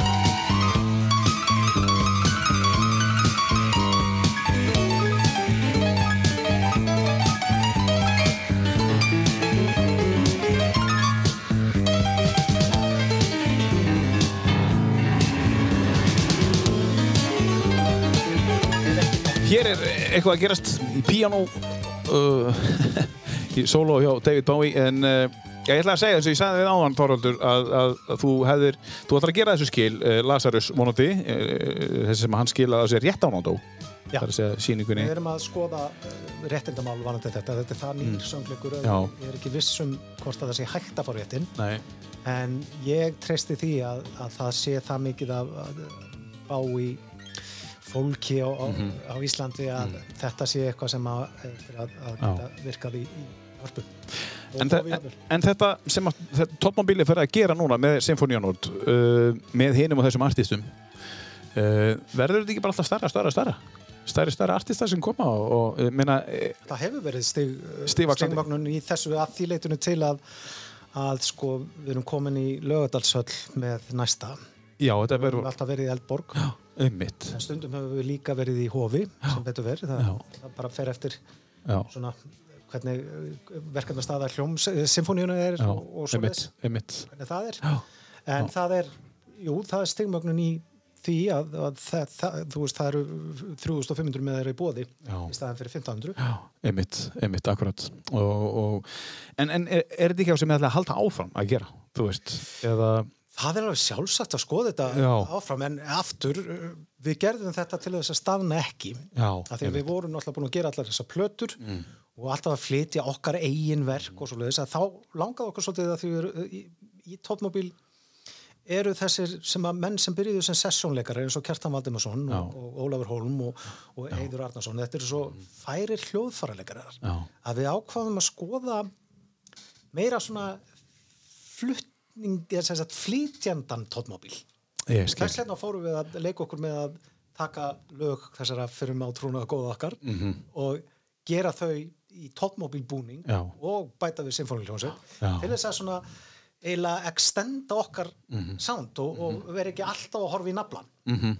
en kannski er akkurat núna eftir hérna, Spandu Ballet komið tíminn til þess að kíkja á naflan aftur Já, og, og bara gera nýja bara clean toppmóbilplötu Já, já 11. blöðuna, mögulega já, já, En, en náðu þið að hittast og spila, þú veist, COVID aside, uh, tóttmóbíl og halda gig og spila bara gömlu góðu laun? Hafið þið tíma í það? já, Já, gerðum það alveg ekki? alveg þangað til 2018 Já. Eh, Já, frá 2010 til 2018 voru, voru við að spila alveg já, ég myndi segja minnst það kosti 10 sinnum ári alveg upp í 20 já, 20 sinnum ári alltaf, þú veist, það Já, er allurinn og það er alltaf í hörpu, árlega í hörpu. Já, ál- árlega. já, og gamla bíó og, og hérna, já bara þar sem að semst, var sóst eftir tónlingu tónbíl En er ekki komið hungu núna síðan 2018 að að vilja fara að spila aftur? Gamla steffið? Jú, það var líka allurinn þess vegna verðum við með, með hérna, Tony Halley í Já. Hadley. það bara, einhvers þar að vera að byrja og við Já, erum bara að byrja það, það er svolítið stórt en það er bara geggja Herðu, um, það eru nokkuð lög eftir. Það er hérna lag með Sverri Bergmann. Uh, það er hérna Arja Já. uh, sem við ætlum að spila á eftir og uh, við erum líka með þetta hér, við, við erum aðeins að ræða Eurovision feriliðin, ef við tökum það næst. Hvað, þú búin að fara, hversu oft ertu búin að fara með sigurlag uh, í Eurovision? Ég er semst ef samið lagið þrísasunum uh, eitt lagið með Vigni. Vigni Snæjá, já, Vigni Snæ já, og, en ég hef pródúserað það ógeðslega oft. Já, Já, þannig að ég hef farið út að minnstakosti sexinum eða ef ekki sjösinum já, sem hluta teiminu. Mhm. og hérna já, uh, þetta var ólægt að flökk með Selmu sem mm lendi í öðru sæti. Já, já. Takk fyrir bent. Og hérna Stepping stone fyrir þig kannski. Fjastu ykkur viðbröð fyrir því elendis Svona, já, já, við fórum á samning hjá, hjá hérna, Universal Já. Selma og störfuðum í, í Svíþjóð í, í, í, daggóðan tíma. Já, gerðum plöturnar þar Já. gerðum tvær plötur Frábært. fyrir, fyrir, fyrir erlendamarkað já, og hérna og maður bara kynntist fullt af, Já. af bransafólki og, og tónlistamönnum sem var mjög skemmtilegt og að, að vinna í, að tónlist í, í Stokkólmi það er, það er ekki það er sig geggjað sko. frábær borg. Já, já. Það var álótaflokk, það var 1999 Var það fyrsta skiptið það? það var fyrsta skipti Já. Og svo var það hérna til Haming Ísland Já, til ekki Ísland sem er líklega svona eitt, Gjörningur. Já, sem er svona gjörningur eitt að lag sem við þekkjum öll og, og rústaði keppnir hérna heima. Já það er óvægt að segja það. Já, það má alveg segja það sko. Það var eiginlega, það lág við að vera ósangjant Já, svo ósangjant hún var með rosa flott lag hún, hérna, Regina Ósk. Já, hefði átt að fá að vinna sko Eurovision einhvern tjón já. Og hérna Hann var bara akkurat á raungu tíma Já, var pínu óhefnilegt þetta, þessi, þessi, sko, þessi engi sprettu faraldur sem Silvíja nótt var mm. var náttúrulega ekkert grín. Nei, nei, og ég vissi alveg ef ég myndi setja lagið mitt þar já, þá, þú veist, gæti ég farið að panta flug með hann strax sko. já, já. Og, Hún var svo svaðalega stór sko Það er bara Já, og bara þetta En lægið er bara gott Lægið er bara gott, þú mátt ná að lega Þetta það er bara grípandi lag Þetta er hörku lag, skilu, það má ekki gleyma því sko, þú veist að, hérna, en það var, var, var að sungja á íslensku eða ensku? Úti? uh, íslensku hér en á ennsku úti. Var, var það þannig? Já, Já. Congratulations. Já, uh, og textin, text, text, textana, hver sá textana, mannstu það? Það voru meðal annars hún, Já. var það ekki hann hérna, hérna Baggalúturinn, hann, Já, í Valdimar. Bræði Valdemar, ég held að hann hefði Já. sem sagt átt mest í testanum. Já, já, ok. En þetta náttúrulega var rosalegt, þetta er hittari, sko. Ég Ja. meiri segja sko Ertu ekki stoltur af þessu? Tókmóbíl spilar þetta lag ef, ef við, einstakar sinnum þá tökum við svona böll Böll? Það er svona keift inn á svona hérna, nostalgíu böll Já. sem eru þessi leinigig sem eru oft sko stærstu giggin Já, það er kannski lögatarsöld fyrir síma já, já, stundum tökum við böll Já. og þá flytur tókmóbíl Já. til Hammingi Ísland til ekki Ísland. Og er, er þá Eithor að syngja þetta bara, eða Andrea Já, það? Andrea syngur þetta, jú, já. náttúrulega Já, gerir það alveg það verður alveg nýtt sko já. Og fer hún í hlutverkið alveg? Eða sitt eigið? Nei, hún bara, hún bara tekur þetta á rockinu En, en svo var það Vignis Nær uh, og þú búin að fara fyrir svo, búin að fara sexinum í heildina. Ertu ennþá að semja fyrir þetta, ertu búin að leggja þetta til hliðar? Því að, þú veist, ertu ennþá að skila inn lögum? Ég geri það ekki á eigin vegum en Nei. ef ég beður um að semja fyrir ykkur þá, Þá gerirðu geri það. og hef alveg gert það. Já, og hérna og uh, þú veist, hef alveg verið að pródúsera fram á að, þennan dag, ég til dæmis pródúseraði fyrir hana Gretu Salome bæði hennar já, skipti já, sem hún fór, og fór með henni og hérna eh, þannig að það er nú bara stutt síðan hvað er þetta, það Já. er síðan eitthvað. já, einmitt. Þetta er samt svo fljótt að líða, sko. Já, alveg ótrúlega fljótt og hérna og svo náttúrulega fór ég með henni Birgitu Haugdal pródúseraði það mm Mhm. það var sama sko að, að fá hana til þess að syngja það náttúrulega var, Já, bara, var ekki keppni nei, það, er bara, það var leiðilegt bara. þannig að það er rosa mikið vegt fyrir lagahöndur höfunda í þessu að velja sér sagt rétta hestin sko. Já, já, Því að það er svo mikið synd að vera með geggja lag Já. sem að lendir síðan í öðru sætti bara því að það er eins og Regina lendi. já, Já, sem að sko eins og ég segi, Já. hún átti það svo skilið hún regina, ótrúlegu flutningur á þessu lagi hjá Já, henni. já. að það lágu því að ég væri með samanskapit sko. En það var ekki verið svolítið svona markastlega vel tengdur og, og, og það var ekki að sjá þessu hluti. Það er ekki allir sem sjá þetta sem eru pródúserar að lagahönda sem að sjá þetta svona. Eins og þú sér þetta. já, ég bara veit ekki en, Það var ekki verið með opinn, þú veist, það var að fylgjast með þessu líka á. já, það er allavega ég náttúrulega hef smá kannski forskot sem að ég starfa við þetta á, á, mm veist, á spasist að ég hitti, ég kynni svo mörgum. Já, og uh, það er svo líklegt að á einhverjum tímapunkti sé ég akkurat að vinna með eða hitta einhverju að þá sem eru að slá í gegn. Já, þó að ég sé frá öðrum tíma. Já, já, þannig að eins og til dæmis núna bara Benedikt bú alveg að, Mhm. vera að vinna með Króla. Vinna með henni Þórtís úr Reykjavíkutættur Mhm. eða Árna Beintenni sem er alveg Mhm. þú veist þetta náttúrulega er- það er alveg rakið að þetta fólk verður í einhverjum af, af þessum söngleiku uppfæslum sem að Já. ég gegnum fyrirtæki mitt eh, TMB erum að fara að framleiða. Og vorum til dæmis með hérna, Mhm. Evita og, og Phantom of the Opera og Superstar og allt þetta. Og þá getur, fær maður að vinna aftur með svona ungu fólki á uppleið sem að er svo ofbóðslega hérna, inspirerandi. Já.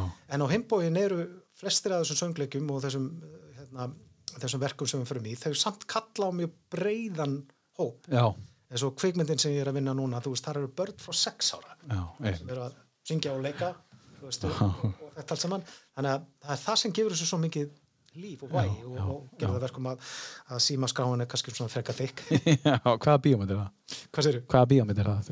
Eh, ég get ekki eh, sagt það hér ekki nema þetta er nýja kvikmyndi sem Nanna Kristín Já. er að, að, að leikstýra Ok, þannig að, og er á fullu núna í Já. miðborg Reykjavíkur í, í, í, með kamerunar. Þannig að þú er byrjað að semja í það. Er, Já, já, já. er ekki tilvalið að taka Eurovision lag sem er á listanæginum í þessari Eurovision umræðu? Jú.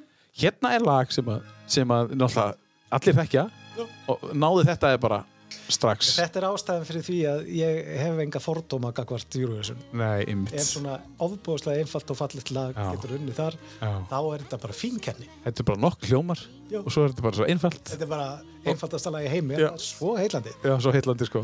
Og barna hérstað á mér sko það, það bara fer á flug að þetta í kvöldsins. Já, já.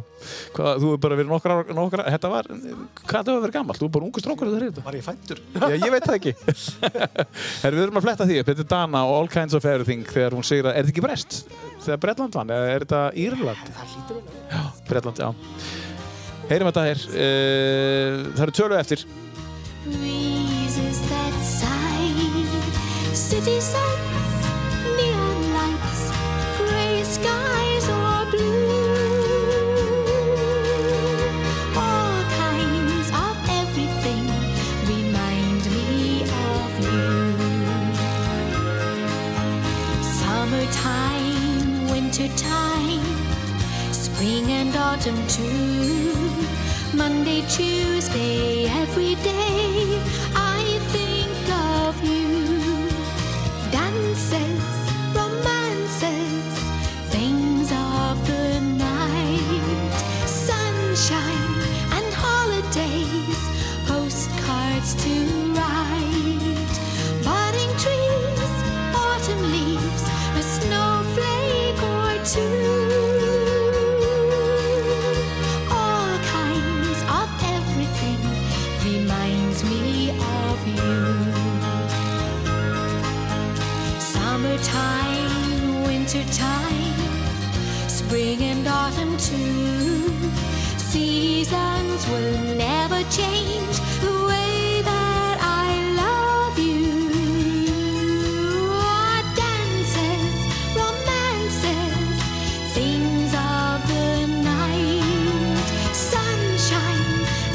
1970, þannig að þú hefur nýfættur það það er fjóra ára. Já, það Já.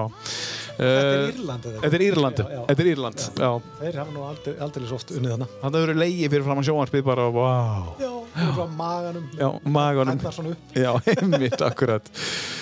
Herðu, e, síðast ár, e, ef við tökum það eins bara í stuttumáli, um, hægði, það eitthvað á einhverju hér e, í þínu starfi, e, þetta COVID, eða ertu svona blessuna laus við það að vera að vinna þannig vinnu að þú mætti bara í vinnuna og bara, það voru bara verkefni? það hefur bara aldrei verið meira að gera hjá mér Nei. og hérna það er tvent sko við vorum að klára þennan söngleiki og Karl Ágúst þarna í, februar Já, einmitt. Hvað heitir hann aftur fyrir ekki, þú sagði það? Eh, Reimt Reimt, já. já. Reimt, Reimt, já. draugagangur og hérna sem sagt já, ný kom frá London Mm. með réttin af Joker Live to Film út af Óskarsvelunum Já. ekki vissi ég þá að það eruðu grammi velun líka við náttúrulega hendum því í sölu bara strax, þúsund miðar fóru á klukkutíma og bara geggað og svo lockdown. Og svo lockdown. Já. og ég fekk næstum hjartafall af því að það búið að vera svo brjálað að gera við vorum búin að gera þarna fullt af tónleikum með, með symfóniustinni og, og hérna e, vorum að gera hana söngleik vorum nýbúin að frumflytja gastina af að gissa fyrir leikfélag Akureyrar og, og allt þetta að, að, fá svona stopp Já. og bara allt í einu bara getur ekki farið út líku við Nei. það, ég, bara, ég fann bara hvernig hjartslátturinn fór bara upp en ekki niður Já, einmitt. Já. En þá vildi svo ótrúlega vel til að, að þá byrjaði bara símin að ringja alveg sérstaklega mikið frá útlöndum Já. og þá hafði e, yfirmaður Netflix e, haft samband við, við Atla Örvas og spurt hvort að e, hérna e, hún- að hann teldi að við gætum á Íslandi tekið upp symfónljónsett út af eh, takmörkunum og öðru. Mm. og hann eh, se, setur hana í samband við mig. Við förum að plotta og það kemur bara ljós að við gátum bara sint fjölmörgum verkefnum fyrir Netflix Já. meðal annars The Dig með Ray Fine Já. og Old Guard uh, Hitman's Bodyguard Vá. og, og bara uh, Riviera þættirnir og, og fleiri og fleiri myndir og þannig að sko bara allt sumarið þarna á eftir Mm. alveg frá apríl þá var bara voru bara upptökur í hofi Já. þú veist, Já. við daglega sko Já. Og það held síðan bara áfram inn í sumarið uh, fram á haustið. Já, og út nóvember byrjaði svo aftur í februar núna.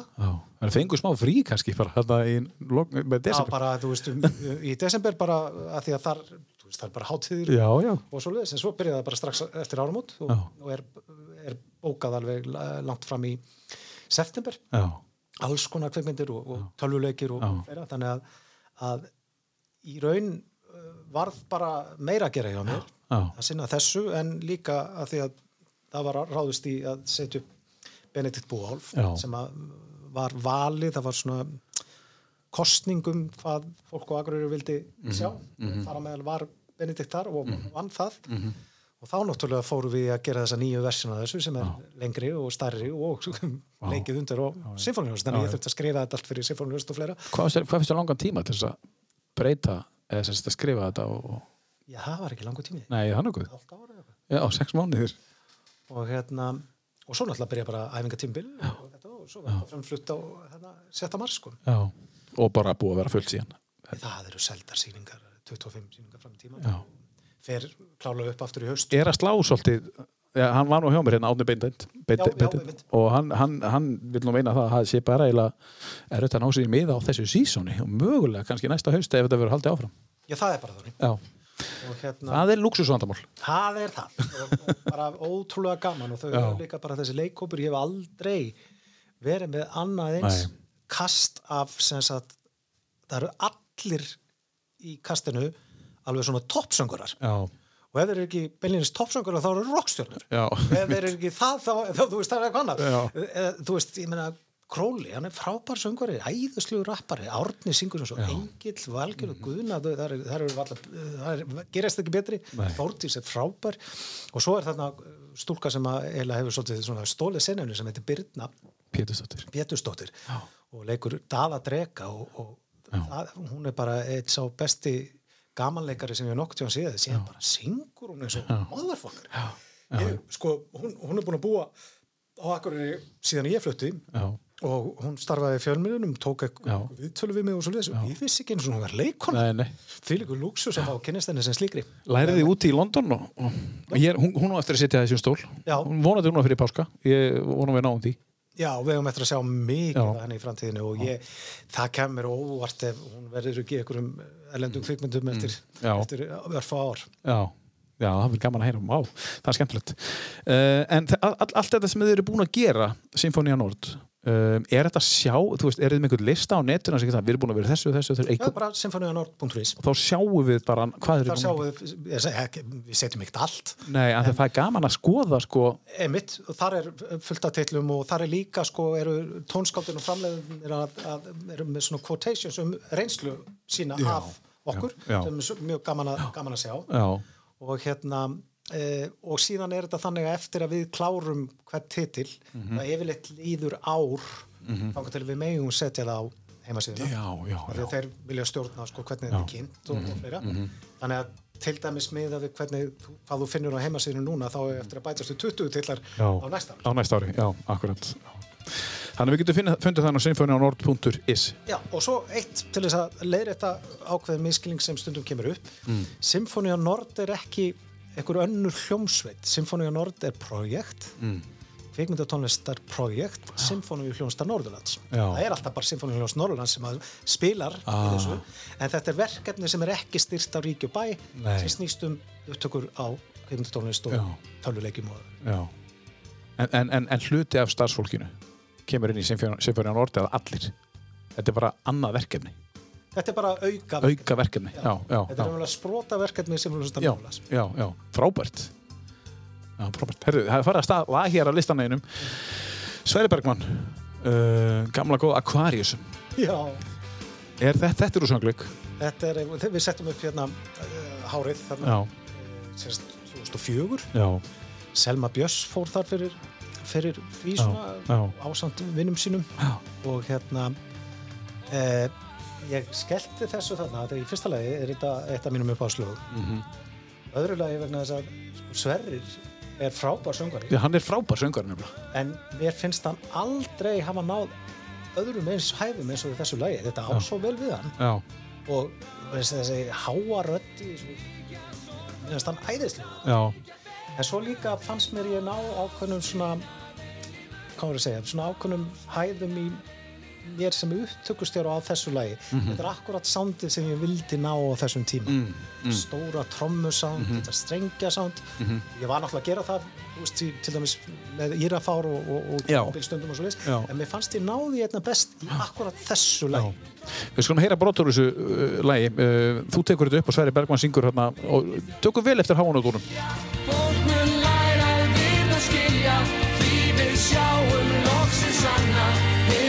Sunday.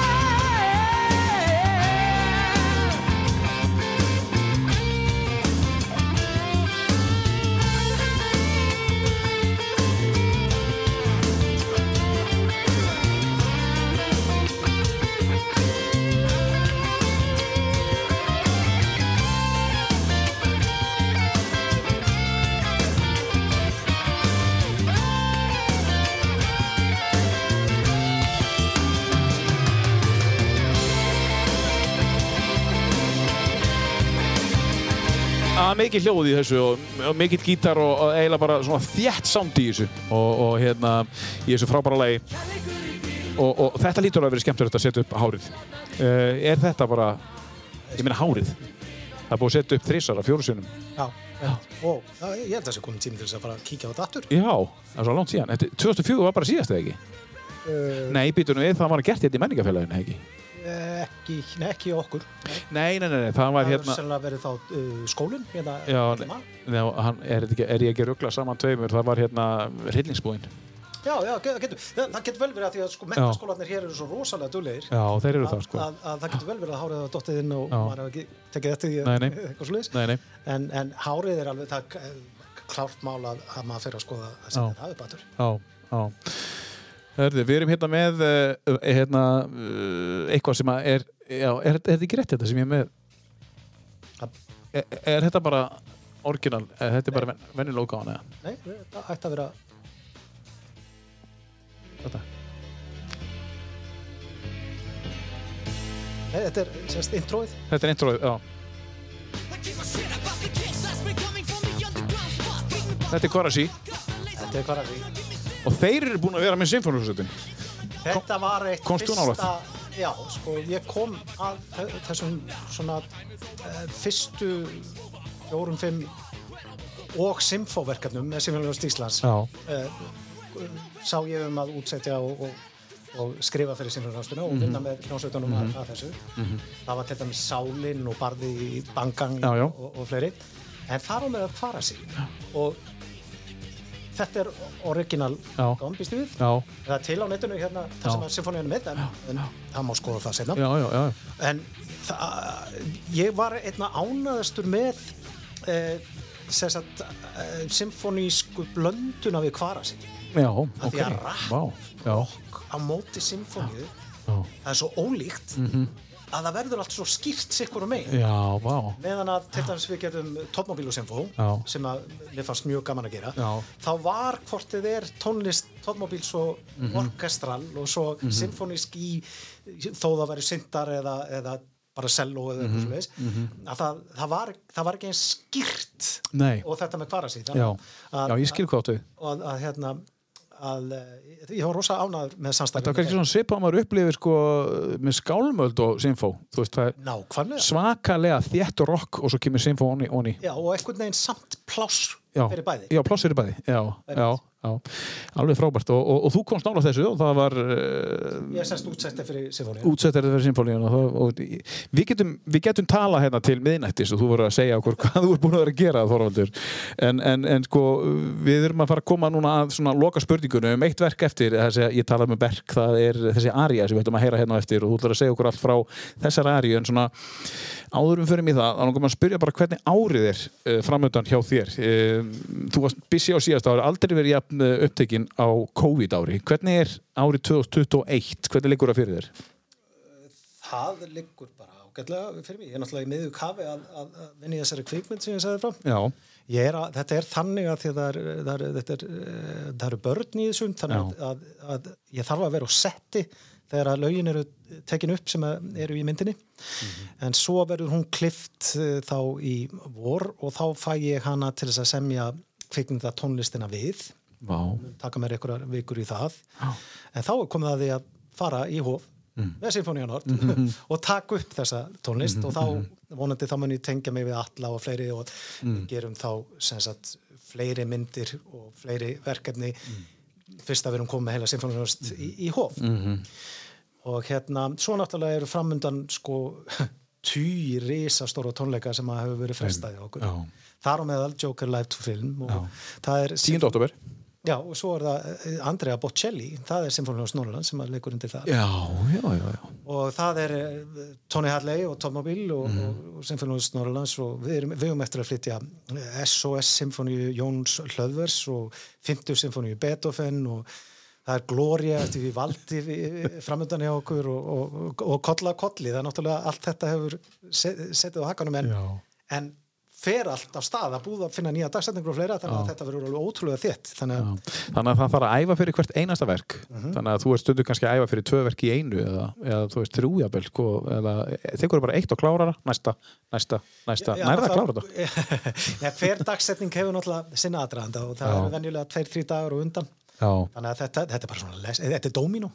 Þetta er Dominó, já, já. En þetta er alltaf jafn skemmtilegt Já, þetta eru verkefni mjög skemmtileg Já. en það, þetta, er, uh, þetta, þetta er allt mjög challenging sem að er framöndan ég meina ég alltaf, ég sé ekki svona kannski það er þetta með Joker Life to Film sem að ég er svona gríðarlega spenntur að sjá hvernig Mhm. fer og að því að þetta er, þetta er svo nýtt og þetta er Mhm. svo þessi verðlun varpa svo nýju ljós á þetta og þessi tónlist er svo öðruvísi Já, og þetta verður sennilega heims frumsýnt hér. Já, ótrúlega þannig að það, það er svona efst á bauði hjá mig núna fyrir að, að gera þessa kvikmyndutónlist já, já, og það er mikil æfing sem þarf fyrir þetta live to film uh, þú varst að byrja bara þú varst að æfa, æfa, æfa, æfa, eða ekki? nei, nei, nei, Er það ekki? þannig er það ekki. Þið eru bara svo góðir. Nei, sko í atvinnumennsku í, í symfóniski tónlist þá til dæmis í kvikmyndutónlistinni þá er aldrei æft. Það er aldrei ætt Það er bara nótur settar fyrir fram að þú það bara byrja að taka upp. Já, En það er líka því að þetta fólk er er náttúrulega á, hæsta Já. svona, hvað verður að segja, þjálfunast í lífsins. Já, Ef þú spila með Symfóniust Íslands þá ertu einfallega á þeim kaliber að, að þú lesta blaði um leið og þú sér það. Já, og um, sem sagt kvikmyndatónlistin er yfirleitt gerð, gerð þannig að það bara byrjaði að taka upp í fyrsta teiki já, og það er eitthvað skrítið ef í þriðja eða fjórða teiki að það sé ekki komið. já, meinar En það tekið stutt í einu, Já, þannig að þetta, þetta er vel geranlegt. Já. En fyrir symfóniutónleika þá e- eru aldrei meir en svona, veist, þrýr dagar á undan já, og eins og þetta er hjá Symfónius Norrlands þá er það út af því að við erum með hansi mikið hljófæleikunum sem koma annar staðar að Mhm. þá er þessu pakka niður í sagt þrjá daga já, já, já, meðan að það er mánudagur til fimmtudags hjá Symfónius já. en hérna, þannig að þetta eru svona um, um 16 klukkustundir sem fara í þetta. Þú er búin að búið þetta á Akureyri síðan 2015 Já. og þú ert ekki að fara neitt eða nokkuð? Já, sko, miða við hvernig uh, það er svona uh, uppsveiflan hjá menningafélagi Akureyrar Já, og tala um leikfélagi Akureyrar já, og svo þetta verkefni Mm. pluss bara veist, þessi þróun hjá Symfónius Norrlands meðan þetta er í, í, þessari svona veldis. Mm. mögnun þá væri held ég ekki sniðut að, að, að fara í eitthvað annað akkurat núna þetta er, þetta er akkurat að ná þeim stað sem við sáum fyrir okkur já, þannig að ég get alveg hugsað mér að, að, að fylgja þessu eitthvað, eitthvað eftir en, en auðvitað er maður alltaf að, horfa á sjóndeldaringin Já, já, hvernig góður. En líður ykkur vel Akureyri?